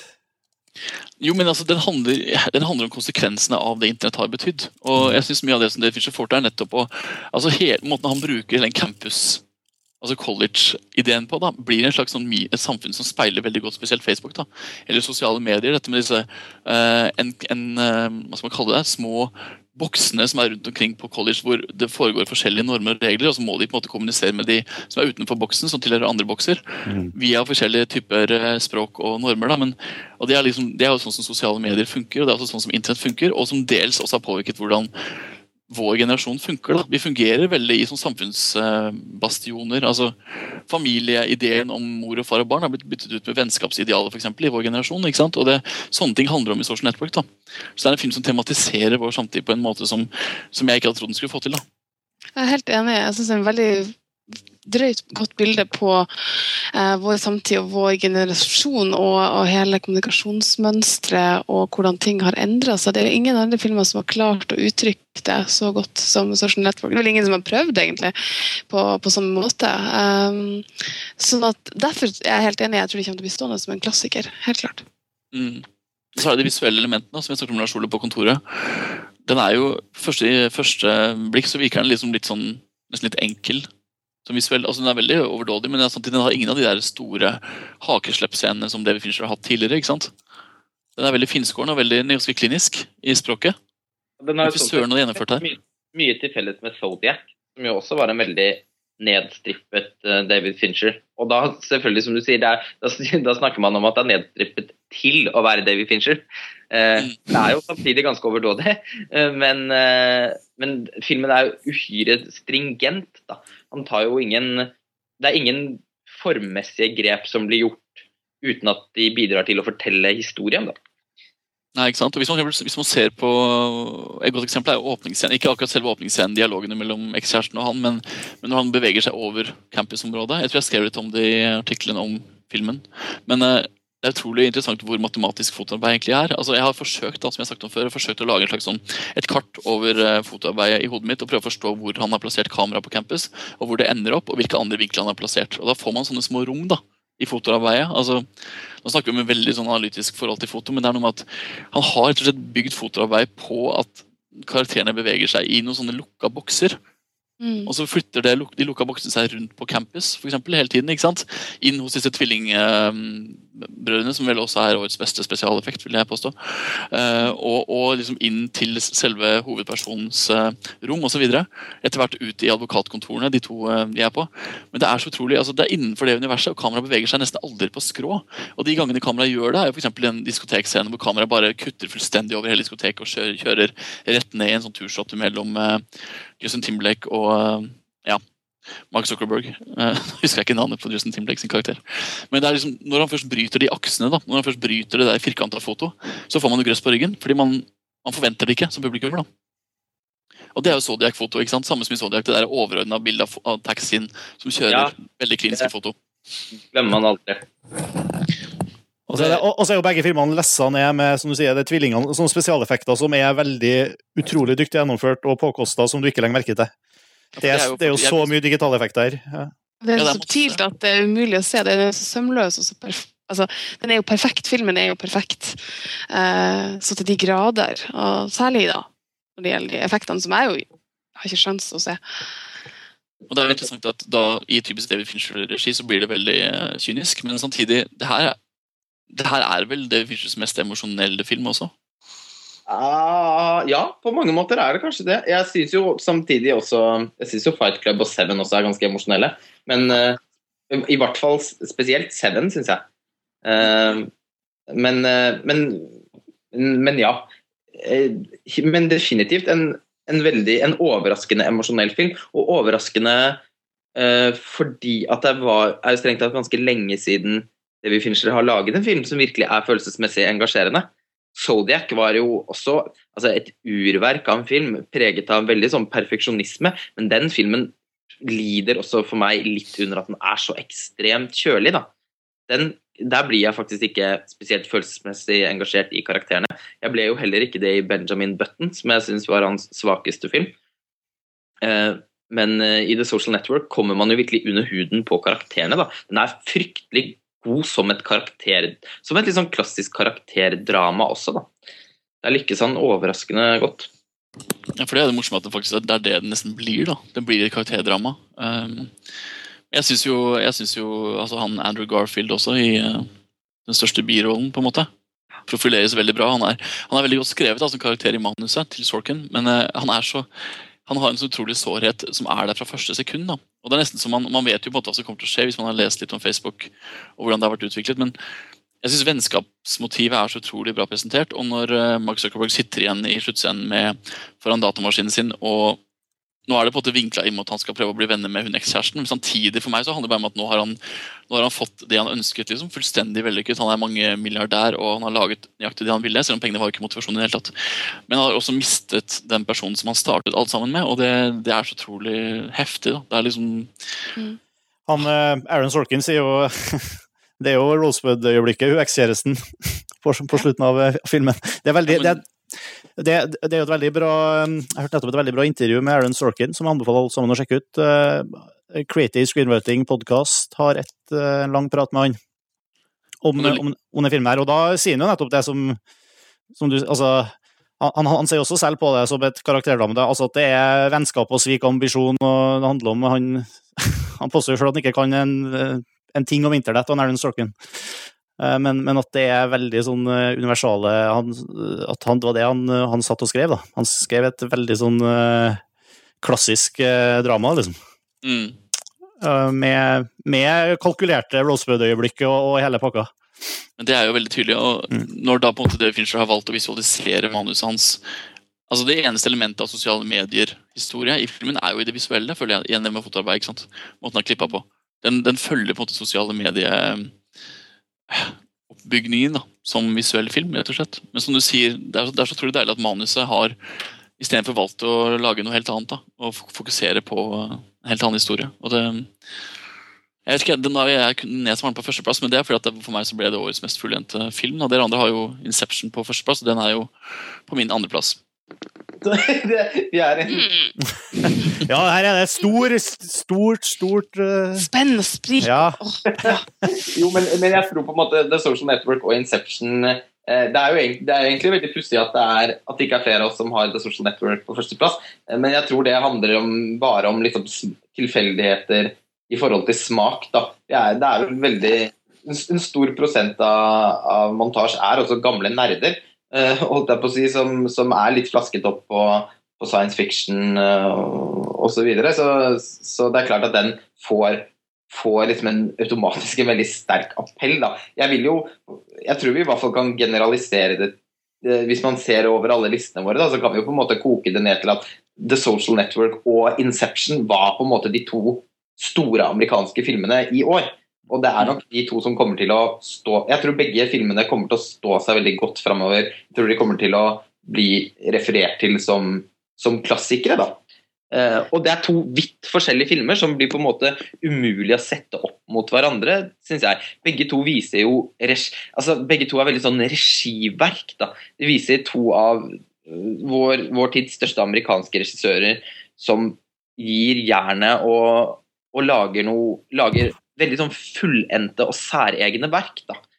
Uh, men på hver sin vidt forskjellig måte. Uh, fellestrekket til de to filmene er på en måte måten de er orkestrert på. Begge to er liksom preget av en sånn rytme, øh, følelse for rytme og, og perfeksjonisme, da, sånn fingerspitzgefühl, som, øh, som, er, som er veldig lamslående. Det, det er på en måte fellestrekket til de, de to filmene. så men bortsett fra det så blir det liksom umulig å måle opp mot hverandre. Der tror jeg rett og slett det bare er smak, smakspreferansene som teller inn. da. Mm. Jeg er veldig enig med deg, Lars Ole. Jeg, jeg er jo helt enig i at selv om da Social Network ligger som nummer fire på min liste, så er det jo Inception og The Social Network som er årets to store filmer, i hvert fall amerikanske. Jeg skal jo ikke uttale meg på vegne av eh, resten av verden. Det er jo sikkert en masse filmer vi ikke har sett. Um, og det går også litt sånn, ja, som sagt, på tross av jeg har liste, en av de andre filmene jeg har inn der, er jo filmer som en del av en en franchise, og som, som igjen da, som du sier, reflekterer smak mer enn hva som er de største og mest perfeksjonerte filmene i år. Det er, veldig det er litt, litt som du sier, er litt av det som er meninga med sånne lister. Det er på, Mm. det er på en måte lille noe, noe du kan liksom sitte og ha på profilen din nesten resten av året. Eller Mm. neste år. Ja. Ja, Det er jo sikkert folk som kommer til å lese de helt fram Mm. til neste jul. Men det er veldig gøy å faktisk også legge merke til at de to filmene er jo de to originalmanusene i Hollywood som har gjort det best, da, publikumsmessig. Mm.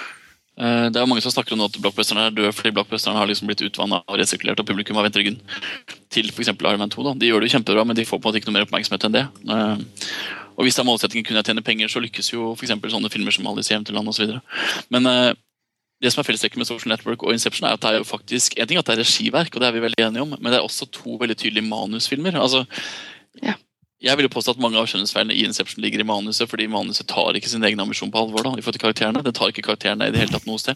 Men det er jo et annet, en annen diskusjon. Men virkelig, altså, dette er liksom to manus som Hollywood-systemet, med alle sine negative sider, har latt gå igjennom hele den prosessen det er å lage en film. Og de har faktisk endt opp med å bli filmer med tydelig preg av manus og tydelig preg av regissører. Og det er interessant at De to filmene som vi sitter igjen med, er nettopp to sånne filmer i 2010 det, det, det sier jo noe om at Hollywood har begynt å endre seg litt imot den kursen hvor originale stemmer er viktige. da. Men og der syns jeg jo spesielt i tilfellet eh, med Inception, da. Fordi eh, det, eller, The Social Network er jo strengt tatt i liksom, produksjonsskalaen ganske mye mindre film. Hvor det er enklere å få gjennom et og, eh, altså, og filmen er jo også Den har jo ikke et uhyre, u, altså, uhyre ukonvensjonelt flott i forhold til altså, sin sjanger, som på en måte er hva skal man si, dramafilm. Eh, men Inception, som er en blockbuster, da, Eh, det at Christopher Nolan har, har, altså, har fått muligheten til å lage Inception sånn som den er, eh, og fått så frie kunstneriske eh, tøyler, da, det, det syns jeg jo rett og slett er en stor seier overfor eh, Hollywood-systemet. da. Og Sånn sett så tror jeg også Inception kommer til å stå seg som et veldig unikt verk, fordi i sin sjanger så er det eh, Det er på en måte bare helt fantastisk at den filmen er laget. Eh, og jeg, jeg, jeg syns jo The Social Network har et eh, ti ganger bedre manus enn eh, Inception i forhold til eh, Ja, på en måte forhold til replikker og hvordan det er formulert. Men ideene i Inception, de er fuckings fantastiske. Og det at Christopher Nolan har liksom sittet og lagd dette her og fått muligheten til å lage det i den absurd store skalaen eh, som det er i, i filmen, det, det syns jeg er eh, helt fantastisk. Jeg håper det kommer til å bli mer sånt. Nok en gang veldig enig med Sola. Det, det er jo fantastisk at han har fått et slags sånn ja, carte blanche. Han får liksom gjøre som han vil, og det er jo et tegn på at Hollywood innser at uh, å la en regissør som Nolan følge sitt eget prosjekt er noen ting de kan vinne på. Eh, klart Han har jo gått en lang vei der han har bevisst gjennom sine andre filmer at han evner å utforske de mørkere sidene av menneskesinnet. At, han, at han også makter å ta, eh, ta på seg komplekse fortellerstrukturer. Ting som faktisk kan forvirre publikum. Noe som man jo vanligvis i den typen sjanger ville være veldig forsiktig med. Uh, og det er nettopp det som du sier, da. I sin sjanger. Uh, vi kommer sikkert til å få en del pepper for at vi løfter frem den filmen, uh, og at vi syns den er så genial, men det handler jo om sjangerfilm. Det handler jo om at det her er film som skal underholde, det er en thriller, det er en heistfilm. den er jo ikke en, en østeuropeisk kunstfilm. og jeg syns det er ja, all kred til Hollywood for at de siste årene hadde kommet en del filmer som innenfor strenge sjangerkonvensjoner tør å utfordre. Mm, jeg er veldig enig. Altså. Vi kan jo faktisk se litt på tallene på den også veldig fort. fordi Det kosta i sin tid 160 millioner dollar og har spilt inn 825 millioner dollar. Uh, det vil si at den har gjort et ganske bra overskudd alene på kino før vi begynner å snakke om DVD. og, osv. Og det er som du sier, det som er viktig er at Jeg tror faktisk at 2010 kommer til å bli stående som det året i hvert fall i noen fremover, da, hvor Hollywood gambla. rett og slett. Fordi Selv om Christopher Nolan hadde The Dark Night-publikummet som ville gå og se Inception, så var det ingen som trodde altså Forventningene til Inception var store, men inntjeningspotensialet i Inception var det veldig mange som diskuterte. Det var veldig mange som snakket om kommer den til å gjøre det bra. Og den gjorde det faktisk greit i starten, men den har holdt seg veldig godt på kino og har på etter hvert erverva seg en bra besøk. da. Den går vel fortsatt på kino, selv om den har, er lansert på DVD? Ja, ikke sant? Og det er, det er liksom viktig å, å, få med det perspektivet at uh, eller Warner Bros satset på Christopher Nolan og ga han en slags paycheck i form av en film. Etter å ha hatt så suksess med The Dark Knight, så fikk han lov til å lage sin egen film. Han lagde et prosjekt som han hadde jobbet på med lenge før Memento. har jobbet med mange mange år, ikke sant? Og så fullfører han det. Han får lov til å fullføre det fullt ut, og publikum følger med. Og Det kommer til å sette en standard for ikke minst hans karriere. fordi nå kan man jo spørre seg hva han kommer til å gjøre etter det her. Altså Hvis han, hvis han fikk carte blanche etter The Dark Knight, så har han i hvert fall carte blanche nå. Fordi nå har han faktisk vist at Hans ideer, altså hans mest grunnleggende ideer, da, visuelt og tematisk og narrativt, de trekker publikum. De interesserer publikum, og de lager en kjempehype. Hva kan han gjøre nå? Altså, jeg, jeg, håper han nå faktisk lager den filmen som mange kommer til å hate. Jeg håper han lager den filmen som er så fullstendig uforståelig. da. At kun sånne geeks som oss ser den nok ganger til å faktisk at den får en funksjon. Altså, jeg, håper han, jeg håper han virkelig kjører løpet fullt ut. da. Han skal, dra, han skal dra en Peter Jackson? Ja, for eksempel, da. Altså, håper, nå er Det jo veldig, det er veldig få som er i hans posisjon. og faktisk Ikke engang Steven Spielberg er i posisjon til Christopher Nolan i Hollywood-systemet. rett og slett. Og det, det er litt unikt. og når Han nå på har og han har overført litt av det til Supermann, som han skal revitalisere som eh, produsent. Det er jo en interessant ting. Men hvor mm. går Christopher Nolan? liksom? Han er, han er liksom den regissøren i 2010 som vi virkelig Altså, Hadde vi vært i 2020 nå, det hadde vært veldig spennende å høre hva han har laget de siste ti årene. Og med tanke på også, man, Christopher Nolan har hatt en imponerende konsistent karriere. Han har faktisk ikke laget en eneste dårlig film. Eh, og han, samtidig så har han også gradvis blitt bedre og bedre og bedre. og bedre. Eh, og det, det, og Spesielt de to siste filmene hans, The Dark Knight og Inception, er gullkantede. da. Og det, Jeg er også helt enig med deg at det blir utrolig spennende å se hvordan karrieren hans utvikler seg. Nå skal han jo selvfølgelig lage The Dark Knight Rises. Um, hvordan han i det hele tatt Altså, det er jo nesten blir jo en thriller i seg selv å følge med på det prosjektet der. fordi hvordan i all verden skal han kunne klare å overgå The Dark Knight? Det kan han vel på en måte ikke klare. Men han men det er Christopher Nolan, så han Jeg venter i åndeløs spenning.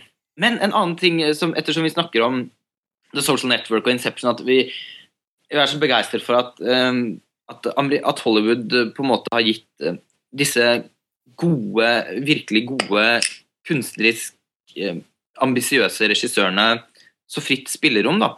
Så syns jeg også det er morsomt at det også reflekteres inn i årets prisutdelinger. Nå har jo ikke Oscar-nominasjonene kommet ennå, men man har jo ganske klare ideer om hvordan de kommer til å utarte seg. Og Golden Globe-nominasjonene kom jo for et par uker siden. Og altså eh, Jeg blir eh, Altså, jeg, jeg, gliser fra øre til øre hver gang eh, jeg går inn og orienterer meg rundt hva som kommer til å skje i forhold til årets Oscar. Fordi at altså, de, nominerte, de nominerte til beste regi i år kommer til å bli Darren Aronofsky for Black Swan, Christopher. Nolan for Inception eh, og Davy Fincher for The Social Network. Hør på den lineupen der! Altså, hva, Det pleier jo å være liksom Stephen Daldry for The Reader, Ron Howard for Frost Nixon altså, Men Det er jo veldig morsomt, men det er også et tydelig uttrykk for det vi snakker om. da, At Hollywood faktisk har, har sluppet til det jeg mener. Og, de har jo gjort det før. altså sånn, hva skal jeg si, um, There Will Be Blood er jo ikke akkurat oh, er, uh, lett er, tilgjengelig. men, uh, absolutt, men There Will Be Blood er også strengt tatt en mer, en mer Oscar-vennlig film enn Inception. da. Jo, men det er viktig å vite. Da, da men ikke så publikum, altså, Den er ikke så publikumsvennlig, men den har heller ikke de ambisjonene å skulle trekke popkornpublikummet på samme måte som Inception. og Det er jo det som gjør Inception litt unik. Pluss at Inception er en action science fiction-film som kommer til å bli yeah. Oscar, og det er fuckings fantastisk! Men også, ja, ja, og heller ikke glem at uh, når vi snakker om for at uh, Potten was Anderson ble nominert, så var ikke det en uh, box office-suksess. Det var ingen publikumssuksess i det hele tatt. Den var Nei, ikke sant. Nei. Sitt. Nå snakker vi om tre filmer, inkludert Black Swan, som nå har begynt å gå på kino i USA. og, og som ja. gjør det bra.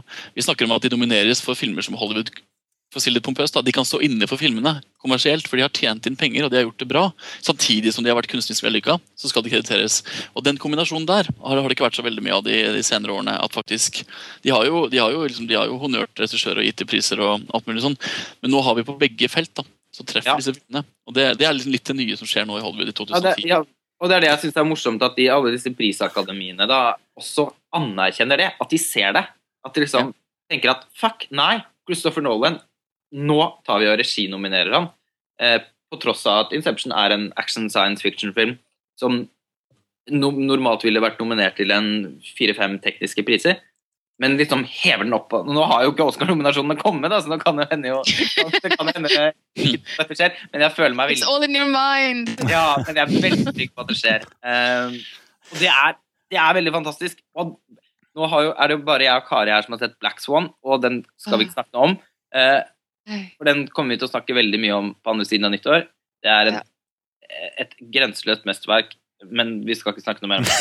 nei, nei, nei, vi kan jo Men i forhold så, så at Darren Aronofsky også høyst sannsynligvis kommer til å bli eh, reginominert for Black Swan.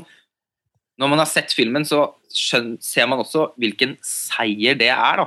Fordi no, altså, Det er overhodet ikke noen Oscar-film. Det er en snuskete, mørk og fæl thriller som jeg aldri ville liksom drømt om at skulle bli nominert til noen andre priser enn beste skuespillerinne og et par andre ting, men som også sannsynligvis kommer til å få veldig stor altså, anerkjennelse på prisutdelingene, da, som har blitt nominert i mange Golden Globe.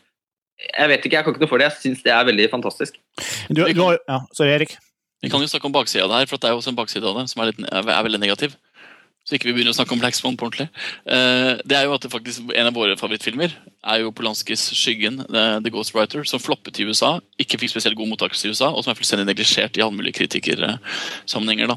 Altså Den har gjort akkurat det motsatte. En profilert regissør som har selvfølgelig et prosjekt, hatt et prosjekt i veldig veldig mange år, som ikke vil få honnør verken av kritikere eller publikum da, i USA. Den er jo belasta på andre måter utenfor ja, og det kan, jo, det kan, jo, være at det har en påvirkende årsak, men samtidig Skyggen kommer ikke til å bli husket som noen klassiker i disse kretsene vi nå snakker om. da. Nei, det er litt sånn, hva skal jeg si, på en måte merkelig, for det er jo en veldig klassisk film. Kanskje det er nettopp det, da. At den ikke sånn som Inception eh, eller Social Network kommer med noe som så til de grader kan føles nytt eller friskt eller i vår tid eller utfordrende for publikum. Uh, Ghost Rider er jo en vanvittig vanvittig godt gjennomført og veldig klassisk film. Og mm. lit, liten. Men samtidig så er altså, The Ghostwriter er den filmen som i Oscarsammenheng i hvert fall får beste regi, beste manus og to skuespillernominasjoner. Altså Det er så klassisk. altså I en, i en vanlig Hollywood-sammenheng så ville faktisk hun Kim Cattrall vært nominert til beste kvinnelige birolle for 'Skyggen'. Eh, Eller Olivia Williams. jo, men igjen Oscar, Oscar Akademi. da. Det er ingenting de elsker mer enn en skuespiller som har vært ansett som en litt sånn B-skuespiller som plutselig viser seg å være et talent. da. Eh, hun, har, hun Olivia Williams har jo alltid vært en ganske sånn anerkjent skuespiller, på en måte, men Kim Cattrall mener jeg, hun, hun overskygger jo alle i skyggen. Hun er jo liksom bare Hun er så til stede. da. Men den filmen her vil jo ikke få de prisene. altså Polanske skyggen vil forsvinne ut av liksom, historien som en film som veldig mange elsket, men som aldri fikk den oppmerksomheten den kanskje fortjente. da. Men jeg tror den kommer til å få uh, sin oppmerksomhet i form av David Bordwell og hans like. Uh, tror Det tror jeg også.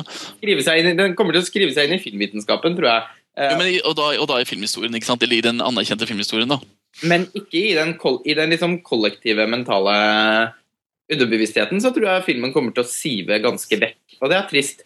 Og det er en film som virkelig hadde trengt da, og fått den oppmerksomheten som f.eks. et knippe Oscar-nominasjoner kunne gitt den, da, men som den dessverre ikke ser ut til å få. Og det er en tragedie, fordi eh, det er så åpenbart at den filmen altså det, det er en klassisk film som, som, burde, som akademiet burde ha elsket. da. Ja, men det er akkurat det. ikke sant? Og Nå kan det være at musikken faktisk når opp da, til Alexandre Despla. Ja, den er fantastisk. Det kan, fort, eh, det kan fort sørge for at filmen også henter inn en manusnominasjon, for eksempel, og kanskje også en skuespillerpris. Men da er det faktisk via musikken som gjør ganske interessant at det er den veien det vil gå. Da Da vil det ikke gå via Roman Polanski sitt navn, mener jeg. og Men vi skal huske på at filmen Riktignok så har jo ikke den prisen så veldig pondus, men den vant, gjorde jo storeslem på European Film Awards, da. Eh, Og den fikk jo faktisk også Sølvbjørnen i Berlin, så den, den har jo fått noen medaljer på veggen, strengt tatt. Selv om du nå nevnte de to prisene i Europa, så kanskje er det kjipeste prisen å få i løpet av et ja, det, det, det har du rett Men det er vel, altså, jeg, med tankekors, da, i og med at vi nå eh, vi snakker om at Social Network og Inception får, har på en måte fått det hele. da, Kommer til å få det hele, inkludert topplasseringer hos montasje, som jo er veldig morsomt for oss. At vi er enige om det. Men eh, det gjør ikke Skyggen, da. Eh, Nei. Hva, med Toy Story 3 oppi der? Er ikke den også Ja. eh, en, altså Det er jo en, født ut av en helt annen manusprosess, i hvert fall, enn en de andre filmene her. Som, det er jo ikke noe som heter sånn komitémanusfilm. Jo Toy Story 3 får jo alt. Den har jo passert en milliard dollar i, Ja, i besøk, og er Pixars største film så langt. Mm. tross alt. Også det mest kritikerroste, i USA i hvert fall. Er den det? Mm. uh, det er jo ingen tvil om at publikum elsker den. Altså, Vi er jo et eksempel på det. Mm. Og Den kommer sannsynligvis til å markere seg med en både beste film og en beste animasjonsfilmnominasjon i Oscarsammenheng. Som jo blir første gang. og så får den sikkert altså Pixar pleier jo alltid å få nominasjon for beste manus. Og sikkert, Og musikk. musikk, sannsynligvis. Lyd. Det er, de pleier jo å få ganske mange nominasjoner. Men kanskje beste film, som Erik sier. Ja, det er det som er interessant, at De pusher på det nå. De har kjørt en kampanje hvor de kaller den årets mest kritikerroste film. Det er jo da ikke Toy Story 3, det er jo det er vel Inception, er det ikke? Nei, det er The Social Network. Ja, det er Social Network, selvfølgelig. Så de har jo konkurrert om den tittelen i Oscar-kampanjene. Men det interessante med Toy Story 3 er jo, synes jeg, på et helt annet plan. Det handler, jo, det handler jo egentlig om at det som Pixar lykkes med i Toy Story 3, virkelig, og som gjør at jeg, jeg har den på min toppliste, er at de har tatt publikum igjen fullstendig på alvor. Altså, vi kan, vi kan trekke, en parallell til en film som kanskje var eh, årets nest grusomste i min kalender etter Hjem til jul, og det var jo Sex and the City 2.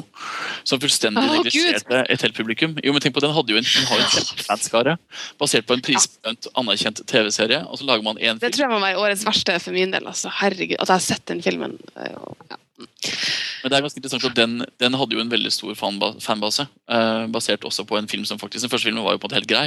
Og så kommer den andre som fullstendig gir faen, da, for å bruke et banneord, i publikum. Altså Den gir så fullstendig F i karakterene sine og i alt det de har stått for. Og hele Alt gir den blaffen i. Og så har du da i ytterste i andre enden av skalaen så har du Toy Story 3, som også fullfører noe. ikke sant? Om enn mye lengre og i mye større grad, men som faktisk tar det publikum fullstendig på alvor. Mm. Å, jeg er enig. Å, gud. Ler, du av meg, eller ler du av eh, Sex and Nei, jeg ler litt av det, siste. Toy Story 3 som også fullfører noe i en sånn slags Ja, men den gjør jo det, og begge har jo, har jo en kjempefanskare kjempestor fanskare. Ja, jeg er enig, jeg syns bare sammenligningen med Ja, den er litt søk. Nei, men vet du, du har et jævlig godt poeng. Altså, det er jo som sagt det at de tar sitt publikum på alvor, og at Toy Story 3 både klarer å, altså, klarer å virkelig få oss til å være engasjert i de karakterene. Så til de grader. Og tenk Altså, på det er jo- scenen, da. Hvor han sitter og plukker ut lekene av den pappesken. Er det, altså, det er jo, okay, Kanskje er det sentimentalt, kanskje er det litt sånn eh, ja, kalkulert. Men samtidig, hvordan kan du bedre avslutte et univers da, som har handlet om at vi som generasjon har vokst opp med leker, vi får se lekene på skjermen, og så skal han på en måte pakke de ned og vise de fram igjen til en jente som er neste generasjon. Det kan jo ikke gjøre særlig mer enn det. Nei, og, jeg, og, det, og, det er, det, og det er klissete, og det er kalkulert, men fy faen, det er rørende, da. Jeg satt og, når jeg så filmen for andre gang her på julaften kveld, faktisk, så satt jeg og tørket tårer av den sekvensen der. Det er, det er noe av det mest rørende jeg har sett, uh, sett uh, på film i år. Men Ja, ja, en annen ting men eh, når, når det skal sies i forhold til at Toy Story 3 klarer og lever sånn opp og tar publikum på alvor, så må jeg innrømme at jeg også tenker i helvete, det skulle bare mangle.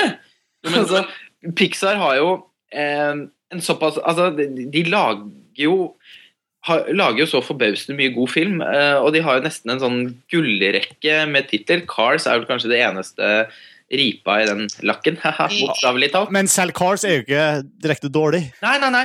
Og, og, så, så man har jo også på en måte kunnet tillate seg å forvente veldig veldig mye av Pixar. Og Toy Story 3 har, eller, og Toy Story-serien har jo på en måte vært Pixars flaggskip. Toy Story var jo den første filmen, eh, spillefilmen som de lagde. Og den har betydd så ekstremt mye for, for uh, vår generasjon, da. Uh, så jeg, jeg må jo si at jeg syns jo også det bare skulle mangle at de la seg i selen for å lage Toy Story 3 så bra som overhodet mulig. Og det har de lykkes med. Men det er, det er helt riktig, men samtidig, se på Sony sitt flaggskip Spiderman, som holdt Sony over vannet i mange år. Åh, ja. Så de fullstendig igjen ga blaffen i sitt publikum i den tredje filmen. Eller se på da, og da er faktisk da er Sex and City et godt eksempel. Se på HBO, da, sitt flaggskip Sex and City. Ja. Som på mange måter eh, altså Nå snakker vi også om Sopranos og så videre, men Sex and City har en helt annen type Det er mye mer kommersielt. da, Det er mye mer tilgjengelig for publikum. Sex and City. De har jo også gitt blaffen i sitt publikum med å lage en toer som virkelig er så grusom at man, man vemmes jo når man ser den. Altså Man sitter der og bryr seg og tar seg selv i å hate karakterer som man faktisk har likt veldig godt da, gjennom mange år. Eh, altså Det finnes nok eksempler på at Hollywood har bare valgt å gi blaffen i sitt publikum basert på pengebehov, rett og slett. Absolutt. Jeg bare tenker at Pixar har jeg en ekstrem lojalitet til. da. Ja. Men det, er, men det er jo det som er det, det interessante med Pixar. at Det er den lojaliteten at vi, vi bare vi tar det for gitt at de faktisk følger oss. ja, jeg merker at jeg tar det for gitt. Jeg sier ikke at det er riktig at jeg burde, men jeg gjør det. Mm. Og da når Toy Story 3 eh, ikke bare lever opp til forventningene, men faktisk etter, mitt, etter min mening overgår da, forventningene mine, så jeg vet ikke, da hører den hjemme på en sånn toppliste på årets beste filmer. Det gjør den. altså Eneste grunn til at uh, Toy Story 3 ikke er på min topp 10, er jo faktisk at jeg er blant de få som nok, på tross av at jeg syns det er en, altså, en fantastisk god film jeg ville, Hadde jeg kastet terning i en avis, så ville jeg sannsynligvis gitt en terningkast seks. fordi det og det i, I forhold til liksom hva den prøver på, den, og sin sjanger, så er den jo altså Det kan jo ikke bli stort bedre. Men jeg er nok blant de ytterst få som faktisk syns at det er den svakeste filmen i Toy Story-trilogien. Eh, jeg jeg syns nok eh, Jeg, jeg synes de to første er hakket bedre skrevet. Jeg syns de har mer interessante manus, og jeg syns at de faktisk også er mer emosjonelt bevegende. Bortsett fra avslutningssekvensen i Toy Story 3. Den blir jeg jo helt ødelagt av. Men jeg, sånn liksom hele filmen igjennom så syns jeg den jo mer er drevet av en litt sånn klassisk suspens, som jeg riktignok syns er engasjerende og spennende. Men, mens de to andre er mer eh, er mer sånn gnagende for meg hele tiden. da. Så jeg syns, nok de to første har en, en litt sånn sterkere nerve for meg, da. Uh, Ja, jeg tror det må være for deg, fordi ja, jeg er enig i det. For meg så er jeg på en måte med hele veien, og er genuint engasjert hele veien.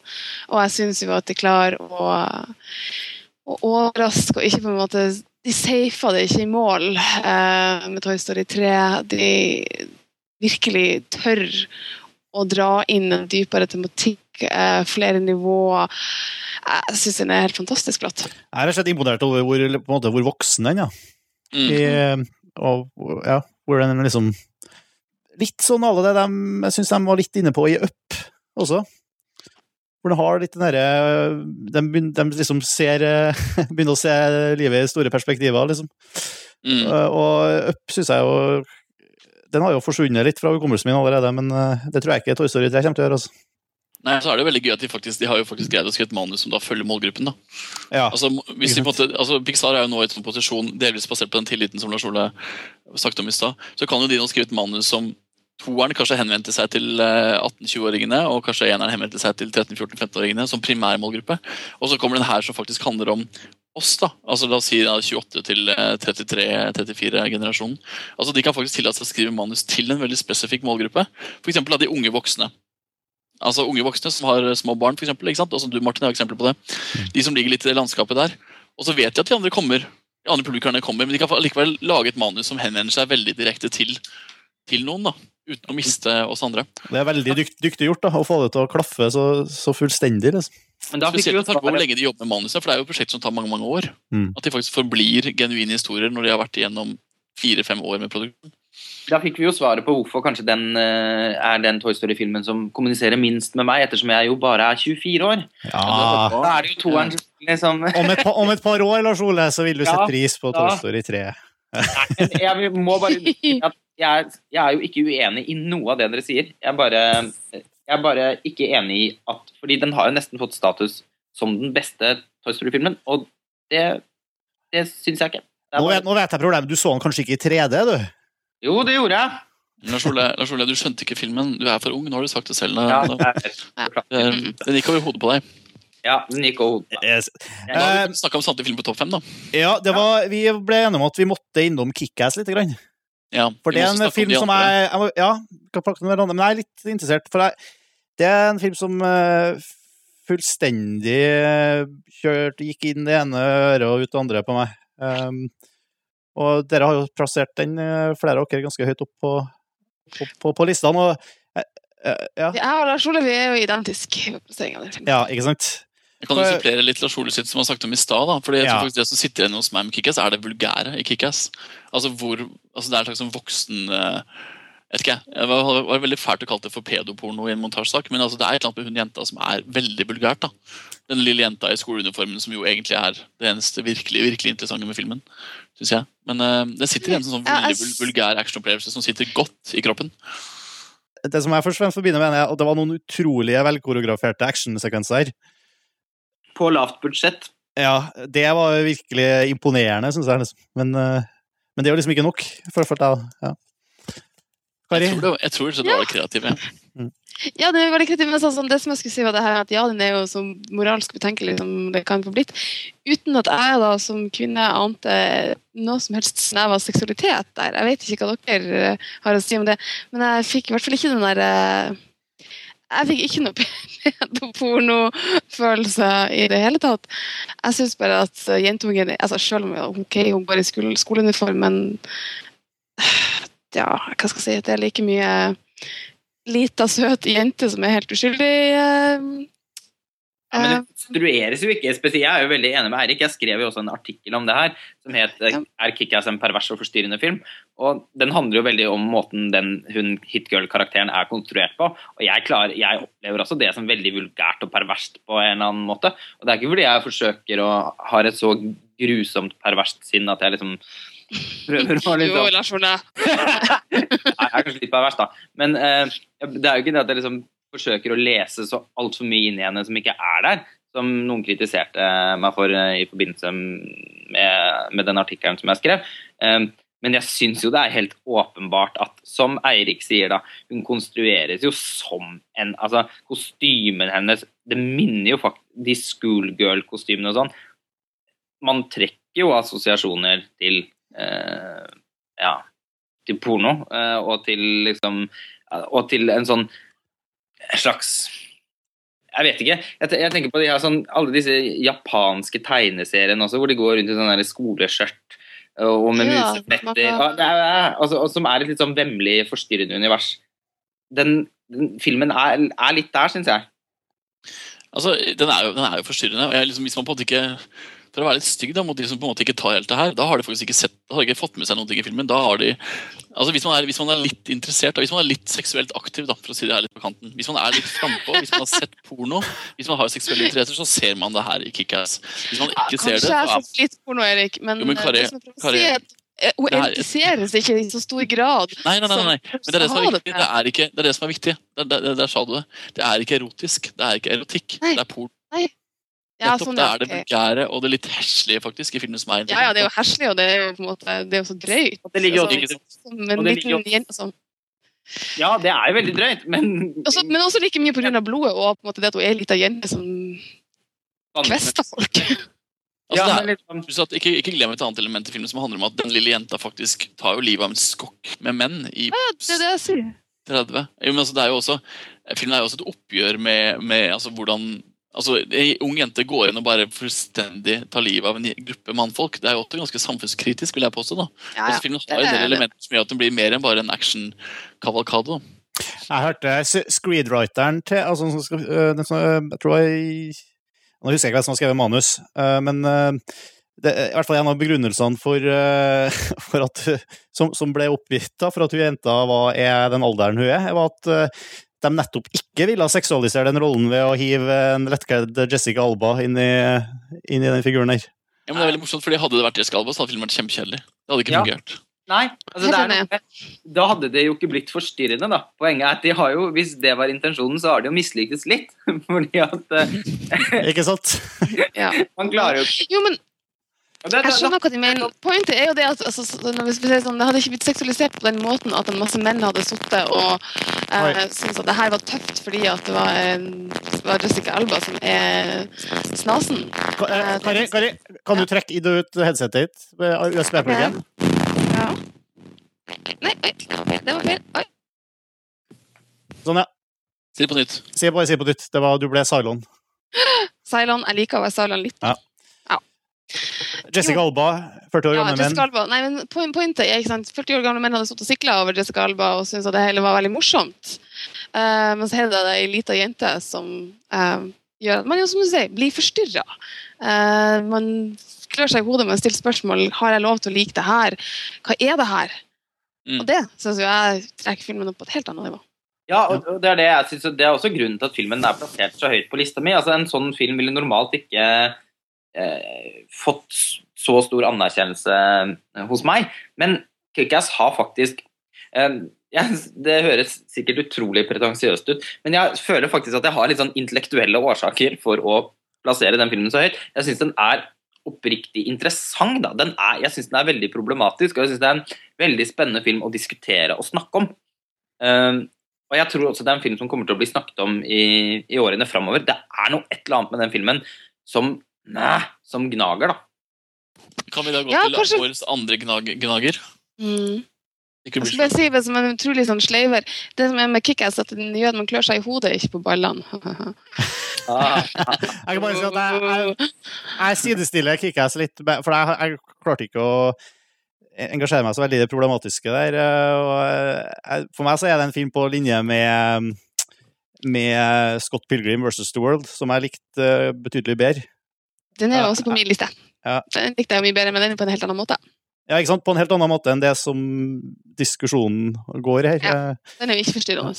nei, den var veldig Jeg, syns det Den var var en veldig søt og morsom eh, og absolutt god film. Eh, Som kanskje Jeg syns den tapte seg litt den siste halvtimen. Så syns jeg Scott Pilgrim versus The World ble Da var jeg rett og slett litt lei, så den hadde tjent på hvert 20 minutter kortere. Men jeg syns jo strengt at Kickass har en veldig mye mer, mye mer engasjerende karakterer og en mer engasjerende fortelling enn det Scott Pilgrim har. Men jeg ser litt sånn koblingen Mm, og så syns jeg Scott Pilgrim er utrolig eh, Jeg liker formen veldig godt. Jeg ja, det er jo det veldig heftig. Det, det var jo Kickass òg, for så vidt. Den har jo masse formmessige Ja. eh, Mye brifing i Kickass òg, for å si det sånn. Ja, men de drar så langt i Scott Pilgrim. eh, men det kan vi jo Mm. snakke om en annen gang. Så kanskje det kunne bli litt voldsomt noen ganger. Men det var jo selvfølgelig en del av altså Det var jo filmens intensjon. Eh, Jeg likte, jeg likte filmen godt. Jeg så den Ja, nei. Hvilken film var det du ville over på, Erik?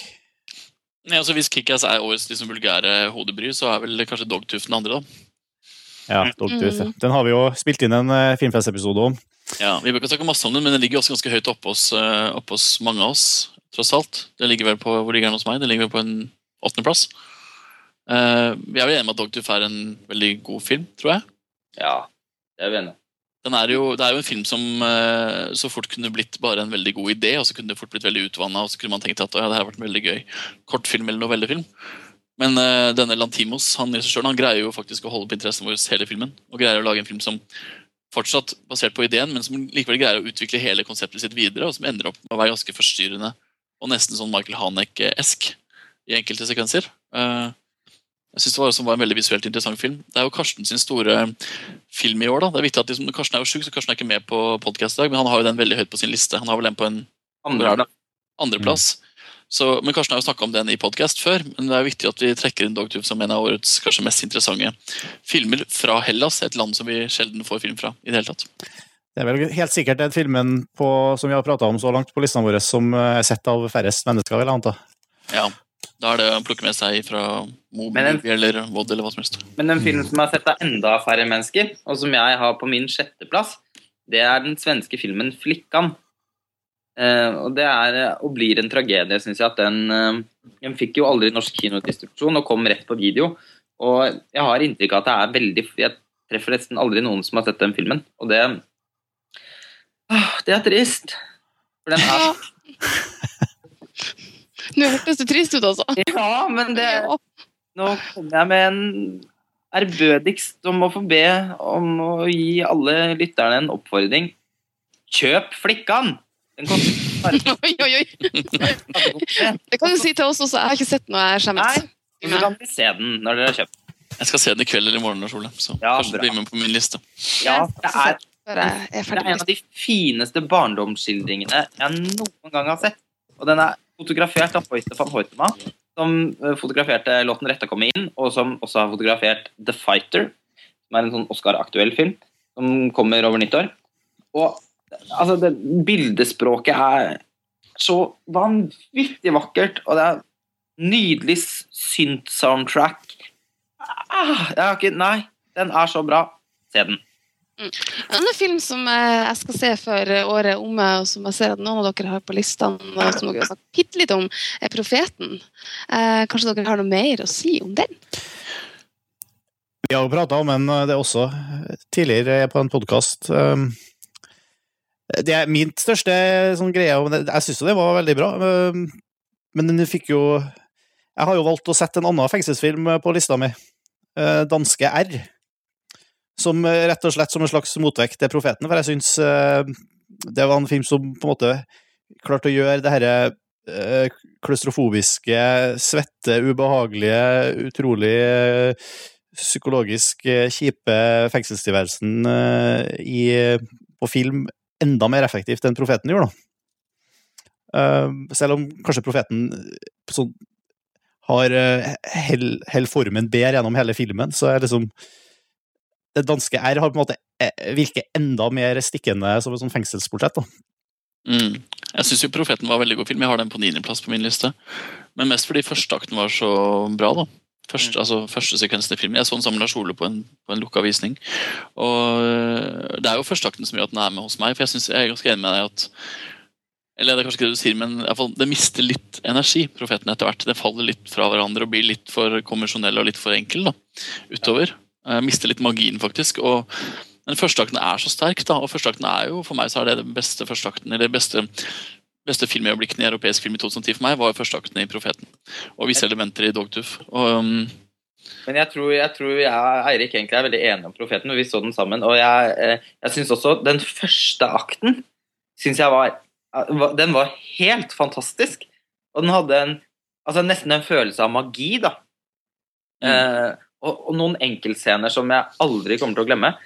Men andre akten ble mye mer skjematisk og egentlig kanskje, i hvert fall i etterkant, litt uengasjerende. Også en slutten på filmen også ganske uheldig, syns jeg. Den, eh, den lukker fortellingen veldig, da. Man går på en måte ikke ut med den, liksom, den ekstra piffen som jeg føler filmen hadde trengt for at man skulle ha jobbet med filmen i etterkant. Og eh, jeg burde, altså jeg, jeg var helt på nippen til å ta med 'Profeten' på min topp 20-liste. Eh, men den datt faktisk ut nettopp fordi at jeg føler at den har ikke virket så sterkt i meg etterpå, da. På grunn av at jeg syns at andreakten var såpass mye svakere enn den første. Jeg syns det var, dessverre ble en ganske ujevn film, men på sitt beste helt fantastisk. Mm, veldig enig. Vi kan jo snakke om en annen film som vi også Lars Ole og jeg er veldig enige om, og som vi så helt samtidig omtrent. Det var Kaboom. Greg. Arrakis Kaboom, som vel figurerer på min tiendeplass på min liste. Som eh, jo er en film som sannsynligvis aldri kommer på kino i Norge, men som ble vist på Oslo Filmfestival. Uh, ja, hva skal man si, Lars Ole? Er, for meg så er det årets morsomste film, da. Og også årets kanskje mest sånn satiriske. Um, det er vanskelig å si noe mer om den, fordi man må liksom se den for å oppleve den, men det er en sånn altså, homse-kitsch, uh, regnbue-propaganda-satire. Det er bare det er en film som inneholder alt det som Queer Cinema en gang inneholdt. Uh, bare litt modernisert og fullstendig like styggvakkert som det det var en gang i tiden. Med en utrolig emosjonell resonans som ikke jeg trodde den skulle ha i det hele tatt. Nei, det var eh, en fantastisk underholdende film. eh, som var den, den var så utrolig metta med stemninger, da, syns jeg. Og veldig mange forskjellige stemninger som av en eller annen merkelig grunn fungerte veldig godt sammen. Mm. Eh, den, den kunne så lett blitt rotete, og, eh, og det, det er ikke noe tvil om at filmen er jo et kaos, men et veldig velorganisert kaos på en eller annen merkelig måte. Og som sagt, alle de stemningene kunne krasja veldig med hverandre og gjort at filmen egentlig bare ble maste og kjedelig. Men den er alt annet enn det. Den, er, den holder, deg, holder i deg hele veien. Og den handler jo ikke om så veldig mye mer enn mennesker eh, med jenter og gutter som puler hverandre hele tiden. eh, Og i eh, kombinasjoner. Alle har på en måte alle er veldig seksuelt frigjort, i hvert fall i, i den filmen, og alle ligger med alle. og det er på en måte Både kjønns- og legningsgrensene er fullstendig pulverisert, og det er veldig morsomt å, å se da at en film tar noe tar, tar en sånn ting så ut som den gjør.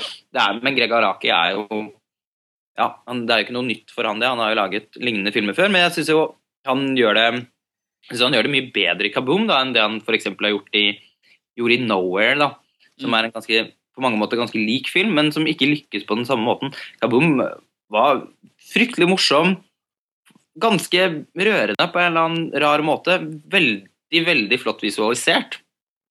Det husker jeg også vi snakket om, Erik, at kostyme og scenografi Ja, ja. Spesielt kostymene er jo veldig interessante. Det er, eh, det er veldig håndarbeid, faktisk. Det er veldig håndverk i Kaboom. Og det er jo også da vår nest beste science fiction-film, Martin. bare så det er sagt.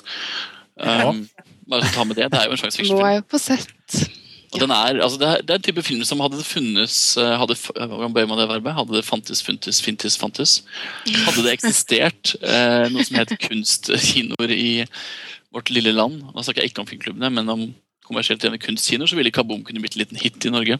Mm. Eh, det kommer vel ikke på kino, dessverre, men jeg kan jo håpe. Men eh, Kaboom er liksom en film som man skal plukke med seg på hylla og kanskje se samme dag som Dogtooth.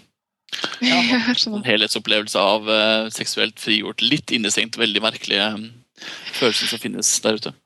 Ja, for Dogtooth er ja, Nei, jeg har ikke sagt så mye om Dogtooth. Jeg er kanskje av de som ikke likte den så godt, men eh, la oss ikke komme inn på det. Kanskje syns den var rett og slett bare, bare forstyrrende, uten så mye mer mål og mening enn det. Eh, så det sånn. Men en annen som, film som ikke er så veldig forstyrrende, som jeg gjerne skulle hatt på min liste i år, men som jeg hadde med i fjor, og som jeg likevel har lyst til å snakke litt om, er jo Fantastic Mr. Fox. Oh, nå kommer den igjen. Ja, ja, men, ja, men, hva, men hva syns dere om den, da? Det jo jeg lurer på. Den så jeg veldig nylig, faktisk. Ja. Uh, så, så den eh, jeg, jeg slo meg jeg, Den var veldig morsom, da.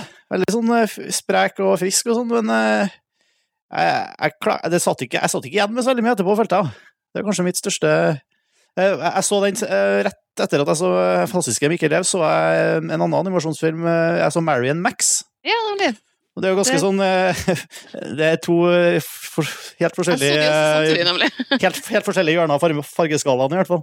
Mm. Eh, men jeg, jeg må jo si at jeg likte Mary Max langt bedre enn en Mikkel Rev. Mm. Og, og det var vel kanskje med, Jeg, vet ikke, jeg, jeg, jeg følte at det var liksom rett og slett litt hul, da, syns jeg. Ja, jeg, sy jeg syns nok også det. Jeg, sy jeg syns at det var veldig veldig mye fint med den. Jeg synes det er i og for seg en god film.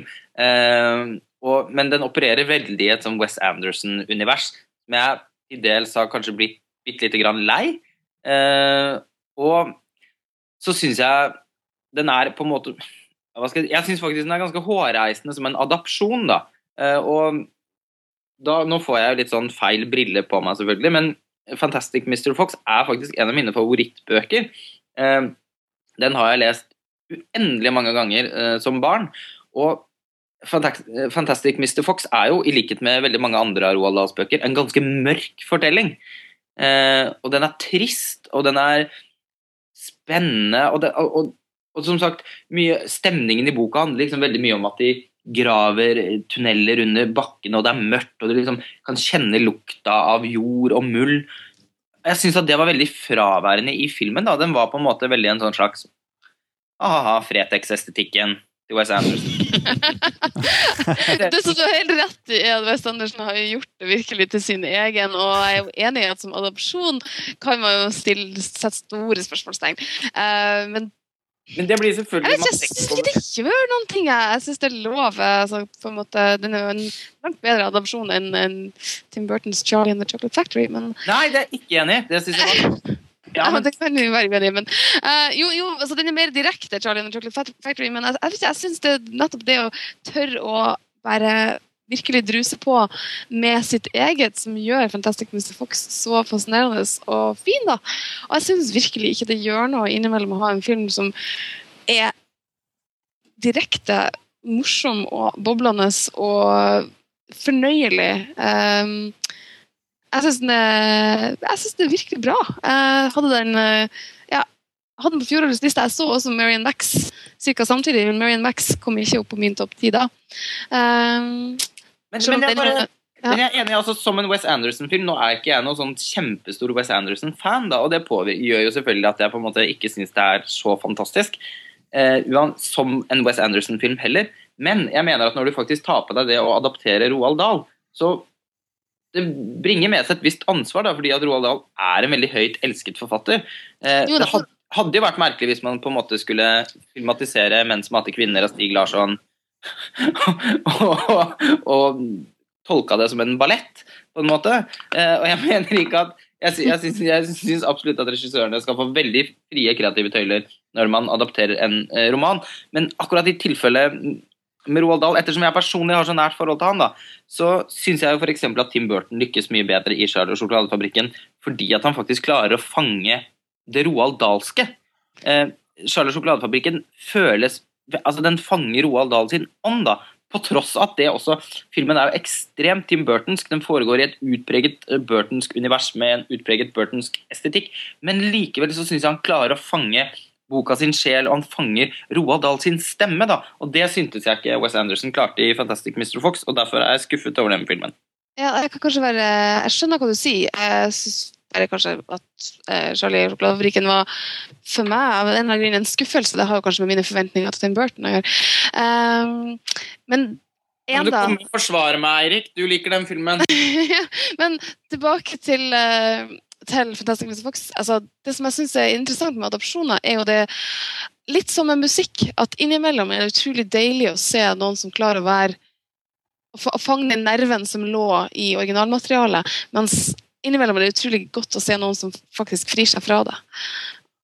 Uh, det er i hvert fall min, min kommentar, da. Så, vil vi alt... Jeg er prinsipielt helt enig i det. Altså. Den var veldig, den var det handler om person, det personlige. Selvfølgelig, hvis noen hadde laget... Jeg er veldig veldig, veldig, veldig spent på å se 'Kafka på stranden'. Haruki Murakami ja, det, Nei, Norwegian Wood, sorry. Um, 'Kafka på stranden' sier jeg bare fordi jeg elsker den boka så høyt at det er jo absurd. Men Ja, men virkelig. Men når jeg ser Norwegian Wood, jeg er litt spent, fordi selvfølgelig, hvis det fjerner seg veldig fra materialet, så, så vil det gjøre litt vondt for min del. da. Men altså, ikke sant, Dette er jo en sånn evig og egentlig ganske kjedsommelig diskusjon. Eh, jeg, er normalt veldig for at man skal liksom at man må skille bok og film, og jeg pleier ikke å sitte og kreve at eh, de fleste jeg synes de fleste gode adopsjoner er faktisk de som tør å frigjøre seg litt fra opphavsmaterialet. Men det er jo rett og slett bare i tilfelle Fantastic Mr. Fox så ble det litt for mye for min smak fordi jeg er så glad i den boka. Og jeg er nok ikke den rette personen til å vurdere den filmen, tror jeg. Men det er jo en ærlig sak. Ja. Vi har eh, mista Eirik her, skal vi si. Han eh, har ramla ut av eh, Skype her. Å, så synd! Fordi jeg ville kommet meg til forsvar om Charles sjokoladefabrikken. Er det med oss, Erik? Ja. Ja, vi, vi mista deg litt. Jeg har sårt savnet deg, Erik. Vi begynte å snakke om sjokoladefabrikken. Som ikke er en filmer, nei? Jeg, tenkte jeg skulle punktere samtalen med å si at jeg har ikke sett Fantastic Mr. Fox fordi jeg tror det er en kjip adaptasjon, adaptasjon av en bok jeg setter veldig høyt. Ja, det høres ut som Lars Oles Stakkars Ja, men Kari. det er jo det er. Nei, men Det er ofte der kritikerne ligger. da. Noen blir rett og slett litt forferda fordi at de er glad i Roald. Og det skjønner jeg jo godt. um, En annen film som dere har på, både Martin og Kari har på sin liste, da, som burde trekkes fram her. Ja, hvilken tenker du på? Nei, Det er jo den Exit Through the Gift Shop. Å ja. ja. Ja. Den ble jeg jo veldig spontant glad i. Jeg synes det er veldig veldig flott, for det er en sånn film som jeg har lyst til å presse på folk. Men jeg har jo litt med at jeg er veldig ja, Jeg syns Banksy er helt fantastisk, og jeg er opptatt av street art sånn generelt. Og jeg syns at den filmen, når jeg så den, også er både et fantastisk dokument over street art, eh, ikke kun Banksy, men også andre. Men altså, den har så mye, den har så mange nivåer og lag eh, i forhold til at den har en politisk, kunstpolitisk brodd. da. Og så er den veldig morsom samtidig.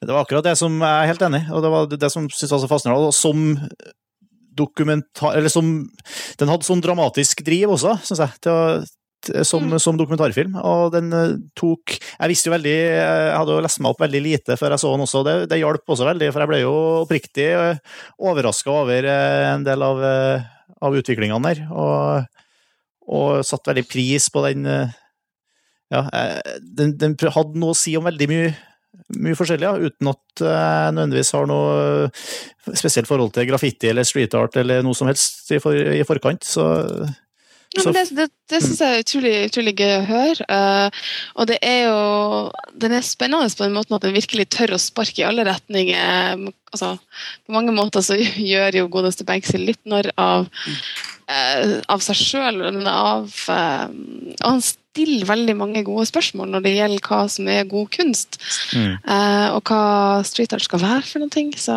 ja. Det er veldig hot tips, og det er bare å Som du, du, du trakk den jo fram i den spalta di hvor du anbefaler film som ikke har truffet kinolerretet. Mhm. Og det er jo en av dem som eh, i høyeste grad kan bi, bifalle. En, en annen Ja, nei, Eirik. Ja, det kan jo Lars Ole jeg trekke fram en som heller ikke kom på kino, men som vi må anbefale fra lignende hylle, og det er jo Cyrus. Lars Ole. Ja. Cyrus er et eh, relasjonsdrama med skuespillere John C. Reilly og eh, herregud, Marisa Tomei. Ja, Oh. og Marisa Tomei og, John, nei, og Jonah Hill, ikke sant, Lars Ole? Ja. Som er vel en historie om en fyr som eh, kommer inn En fyr som liksom blir litt betatt av en dame, og hun har en sønn, og denne sønnen er ikke helt som alle andre sønner, eh, rett og slett. Nei. Kan det si som er plottet? Ja, kanskje? Ja, det kan sies å være plottet. Han har, det er vel et eksempel på en mor og en sønn som kanskje har et litt for nært forhold. Ja. Det er en veldig bra film, og, og den, den kommer kanskje på kino i Norge, jeg vet ikke, men den er liksom sjokkerende, sjokkerende emosjonell. Man blir så engasjert i disse tre karakterene, spesielt i Jonah Hill, som spiller en slags sånn sosiopat. Jeg vet ikke hva han er for noe. Jeg er ikke forklare det. Men han spiller iallfall kjempebra. Ja, han er jo kanskje verdens så søteste skuespiller. Han er så skumleste. Også skumleste. Han er veldig Ja, ja, men han er så, ja, så, han er jo så alltid så koselig. Han er så tjukk. Han ser litt, ser litt så, Ja, men han er liksom sånn koselig bamse eh, av en fyr. Uh, han, han Ja, jeg husker han jo veldig godt fra Superbad. Og han er jo på en måte Han er jo det her også, men samtidig så er han forferdelig ekkel i, i rollen som Cyrus. Og jeg tror filmen har eh, setter den nok ikke like høyt som Eirik. Den kommer ikke på noe eh, topp 10, eller heller ikke på topp 20 for meg, men, men jeg syns det var en veldig, veldig god film. Og den har i hvert fall den morsomste, mest gapskrattfremkallende scenen jeg har sett i år. Og det er da eh, han Jonah Hill skal presentere John C. Riley for, eh, for eh, sin egenkomponerte syntmusikk. Den scenen er faktisk så morsom at det nesten ikke går an å beskrive. Det hørte jeg jeg fikk veldig lyst til å se. Ja, den, er, den er veldig morsom, altså, hele filmen. Og så er den, det, er veldig, det er en ganske svart komedie. da. Den handler jo om ganske seriøse ting også. Det er jo på et portrett av ensomhet, spesielt John C. Reilly sin karakter. da, egentlig. Ja. Som er en sånn tafatt mann som har mista litt kontrollen over livet, og som da tilfeldigvis treffer på noen som han, han mener kan hjelpe han på vei. da. Men som har da denne sønnen. Og så er John C. Riley en glitrende skuespiller. Han, han får jo nesten alltid bare biroller, så det er veldig morsomt å se han i en hovedrolle, syns jeg. Ja. ja, Han gjør det med glans. Han bærer jo rollen kjempebra. Og Marisa Tomei er jo alltid nydelig, men også her veldig hun har det der triste og det fine og det vakre som hun alltid greier å få fram så bra. da. Å, hun er fin. Så, men den, her, den kjøres jo faktisk fram som en liten sånn Oscar-kandidat på skuespiller- og manussida. Den vil jo ikke nå fram, sannsynligvis, men uh, det er en sånn liten eh, herregud, en liten sånn vidundermedisin da, som du pleier å snakke om, Kari. At den, liksom, den funker mot alle mulige depresjoner. Og, fordi den, på en måte, den, den viser litt Den tar liksom litt, litt, litt brodden av en del tematikk som veldig sjelden behandles på film. da. Spesielt litt det der absurde parforholdet som, som det handler om. Så Eller, Cyrus er liksom anbefalingen fra vår side Kanskje Sjole, Ole, hvis vi skal snakke om Exit to the Gift Shop fra videohylla. Ja, det, er, det skriver jeg under på. En annen film som eh, du snakker om som eh, vitaminbombe. eh, Det er kanskje en veldig, veldig, veldig, veldig annerledes vitaminbombe enn Cyrus. Men en film som jeg så helt i begynnelsen av året, den, for det var jo da den kom på kino, og som jeg likte utrolig godt, og som jeg av en eller annen grunn bestemte meg for at nei, denne har jeg lyst til å se opp igjen på julaften. Eh, fordi etter 'Tre nøtter til Askepott' så syns jeg at 'Reisen til julestjernen' er en så begredelig grusom film at jeg pleier å bytte den ut med noe fra min egen hylle. Eh, og valget i år ble et gjensyn med 'Precious'. På selvmord. ok. ja, men fordi at jeg syns at jeg, Ja, men jeg tenkte at jeg syns at den det var en film som passet litt å se på julaften. Altså, den handler jo på en måte Precious er jo en slags sånn Jesus-figur, da. Så Ja. jeg syns det passet seg å se den igjen på julaften. Og det var et veldig flott gjensyn. Det er en utrolig god film. Ja, jeg er helt enig. Jeg satt også den veldig, veldig høyt. Ja. Den Og- er så, den er så trash, og så og den, Å, men den er så god, altså. Det er veldig sånn, det er overflod av alt i den filmen. Det Mm. bobler av eh, Men er ikke det problemet? Det er altfor mye altså, Jo, det er, det er et kjempeproblem, men det er, det er artig likevel. Eller det er ikke artig, det er liksom, den er alt, da. Det, Ja, den, overhodet. den er morsom og trist og fæl og fin og alt. Litt som å være i India. Ja, men jeg syns overhodet ikke det er problemet med filmen. Jeg synes det er absolutt styrken til filmen. Det er det som gjør filmen særegen. da. Den er, den er jo på en måte så dårlig. Eh, altså, Den er jo sånn TV Norge onsdagsfilm eh, på så mange områder, men den er, den er laget med en sånn Den har hjertet på så utrolig rett sted, da. Og den er veldig forbausende og morsomt laget av han Lee Daniels. Jeg, jeg syns den har en sånn slags sånn filmspråklig virilitet som minner meg litt om Spike Lee, faktisk. Mm. Da han var i sine glansdager på 80-tallet. Eh, og noen fantastisk eh, fine drømmesekvenser som jo er helt jævlige men, og, og veldig dårlige, men som så utmerket reflekterer Precious sitt drømmeunivers. Da hun sitter jo sikkert og ser på Jerry Springer Show og Ricky Lake. Det er det hun drømmer om. Eh, og, og det, klarer, det tør filmen å skildre på en såpass plump måte. Da. Det syns jeg gjør den fryktelig flott. Eh, en film som fra, helt fra januar, da, som det er lett å glemme, men som jeg ja, ikke vil glemme. Jeg tror vi skal gi dere litt eh, eh, tankerom til å eh, finne, ut hva vi skal si i avslutninga her, mens vi tar en liten eh, konkurransepause. Ja. Jeg skal, vi skal avsløre hva som var svaret på forrige ukes eh, konkurranse først. Vi, har jo, vi driver og spiller klipp fra filmer, og så er det opp til dere eh, lyttere å gjette hvilken film vi spiller klipp fra. Og forrige uke så eh, var det følgende klipp. Love. Let me tell you about love, mm. Veronique. Love is a dewdrop on a rose petal. Mm-hmm. Love is a drop of rain, pure and shimmering and trembling.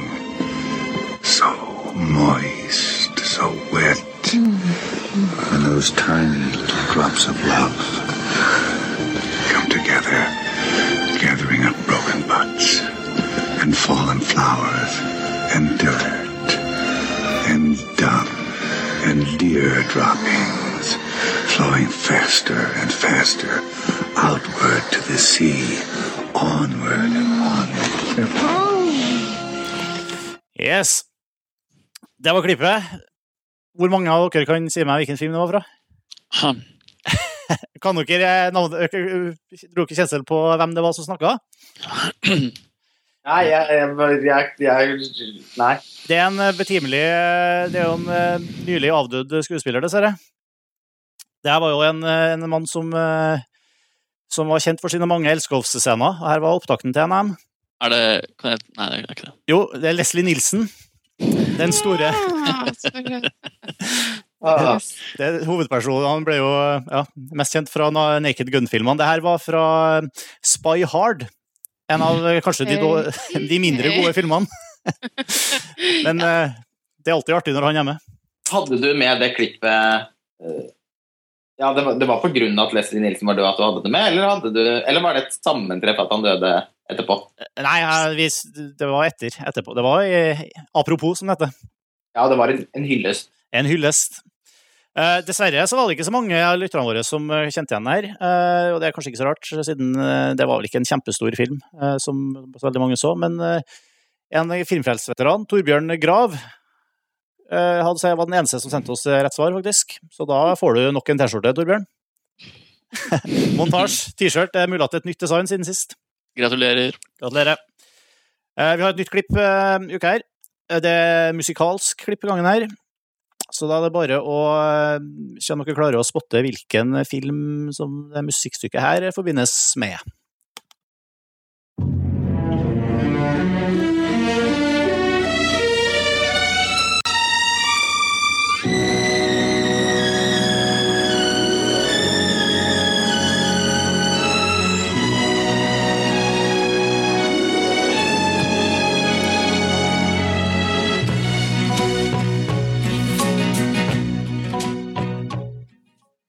Det var veldig lett. Veldig lett.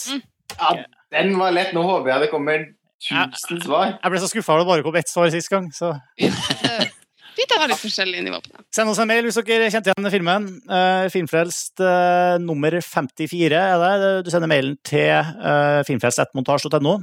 Skriv konkurranse i uh, Filmfrelst54 i eh, emnefeltet, og gi oss postadressen deres og hva slags T-skjortestørrelse dere eh, ønsker dere, hvis eh, dere skal være så heldige å vinne.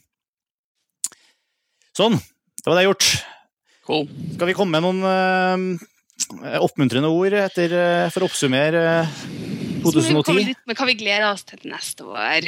Ja, vi snakka litt om det, om vi skulle gjøre det, eller om vi skulle ta og dedikere en egen podkast til Morsomt med egen podkast. Skal vi høre på. Ja, sant nok, sant nok. Hvor vi liksom virkelig ser på hva vi har i vente i 2011. At vi, I hvert fall sant, Vi gleder oss i hvert fall veldig til neste år. Mm. Uh, nei, altså Osmer 2010. Jeg vet ikke, Vi snakka om at det var et skuffende filmår. Vi har jo ikke snakka om sånne spesifikke ting, for eksempel sånn som at den personen som vi har snakka mest om fra filmåret 2010, er eh, komponist Alexandre Desplat. ja. Mm. Fordi han, han starta jo et år med den fantastiske Mikkel Rev, altså Mr. Fox, som vi snakka om i stad. Mm. Og hadde også musikken til New Moon, altså Twilight New Moon, som var et veldig fint soundtrack. Og til Polanskis Skyggen og Harry Potter. Og følger opp med The Tree of Life med flere i 2011. King's Speech. Kan man si at den store stemmen i 2010 faktisk var Alexander Desplat? For oss geeks?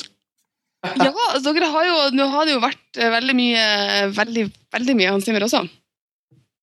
Og hadde vil musikken til Profeten også, vi må ikke glemme det. Ja, profeten, herregud. Han har jo faktisk Ja. Mm. Ja, men han, har- han, han, har, har vært, eh, han har vært imponerende aktiv. Eh, Ja. Jeg vil si at Skill han ut, han har jo vært helt vanvittig aktiv. Det er jo uh. Men altså, uansett, altså, det har vært- i hvert fall et år hvor filmmusikk har vært veldig uh, i, i vinden. da.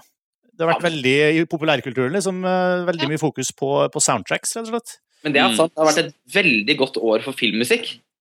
Altså Inception Veldig, veldig eh, og Trond nå nettopp ble jo en eh, var jo langt mer interessant affære enn selve filmen. Og Jeg synes det er super, superinteressant å se at også, altså, alle de gode filmene vi har løfta fram, blant annet det som vi på en måte kanskje sånn unisont er enige om at er årets to filmer, eh, nemlig Inception og The Social Network, har jo vanvittig sterk musikk. Mm. Og eh, jeg synes det er interessant hvordan både enkeltkomponister som Hans Zimmer og Andreas står frem, samtidig som du har da populærmusikere vil, som, som kommer frem som fremtredende filmkomponister, som Daft Punk og, og Trent Reznor, ikke minst. Ja, eh, og, men en annen ting som også er veldig viktig å nevne for meg, eh, er at jeg har en eh, Det er kanskje derfor også jeg syns at eh, den scenen med Jonah Hill og synten i Cyrus er så ekstremt morsom, fordi jeg har selv et veldig veldig fetisjistisk forhold til synt. Eh, Jeg er syntoman.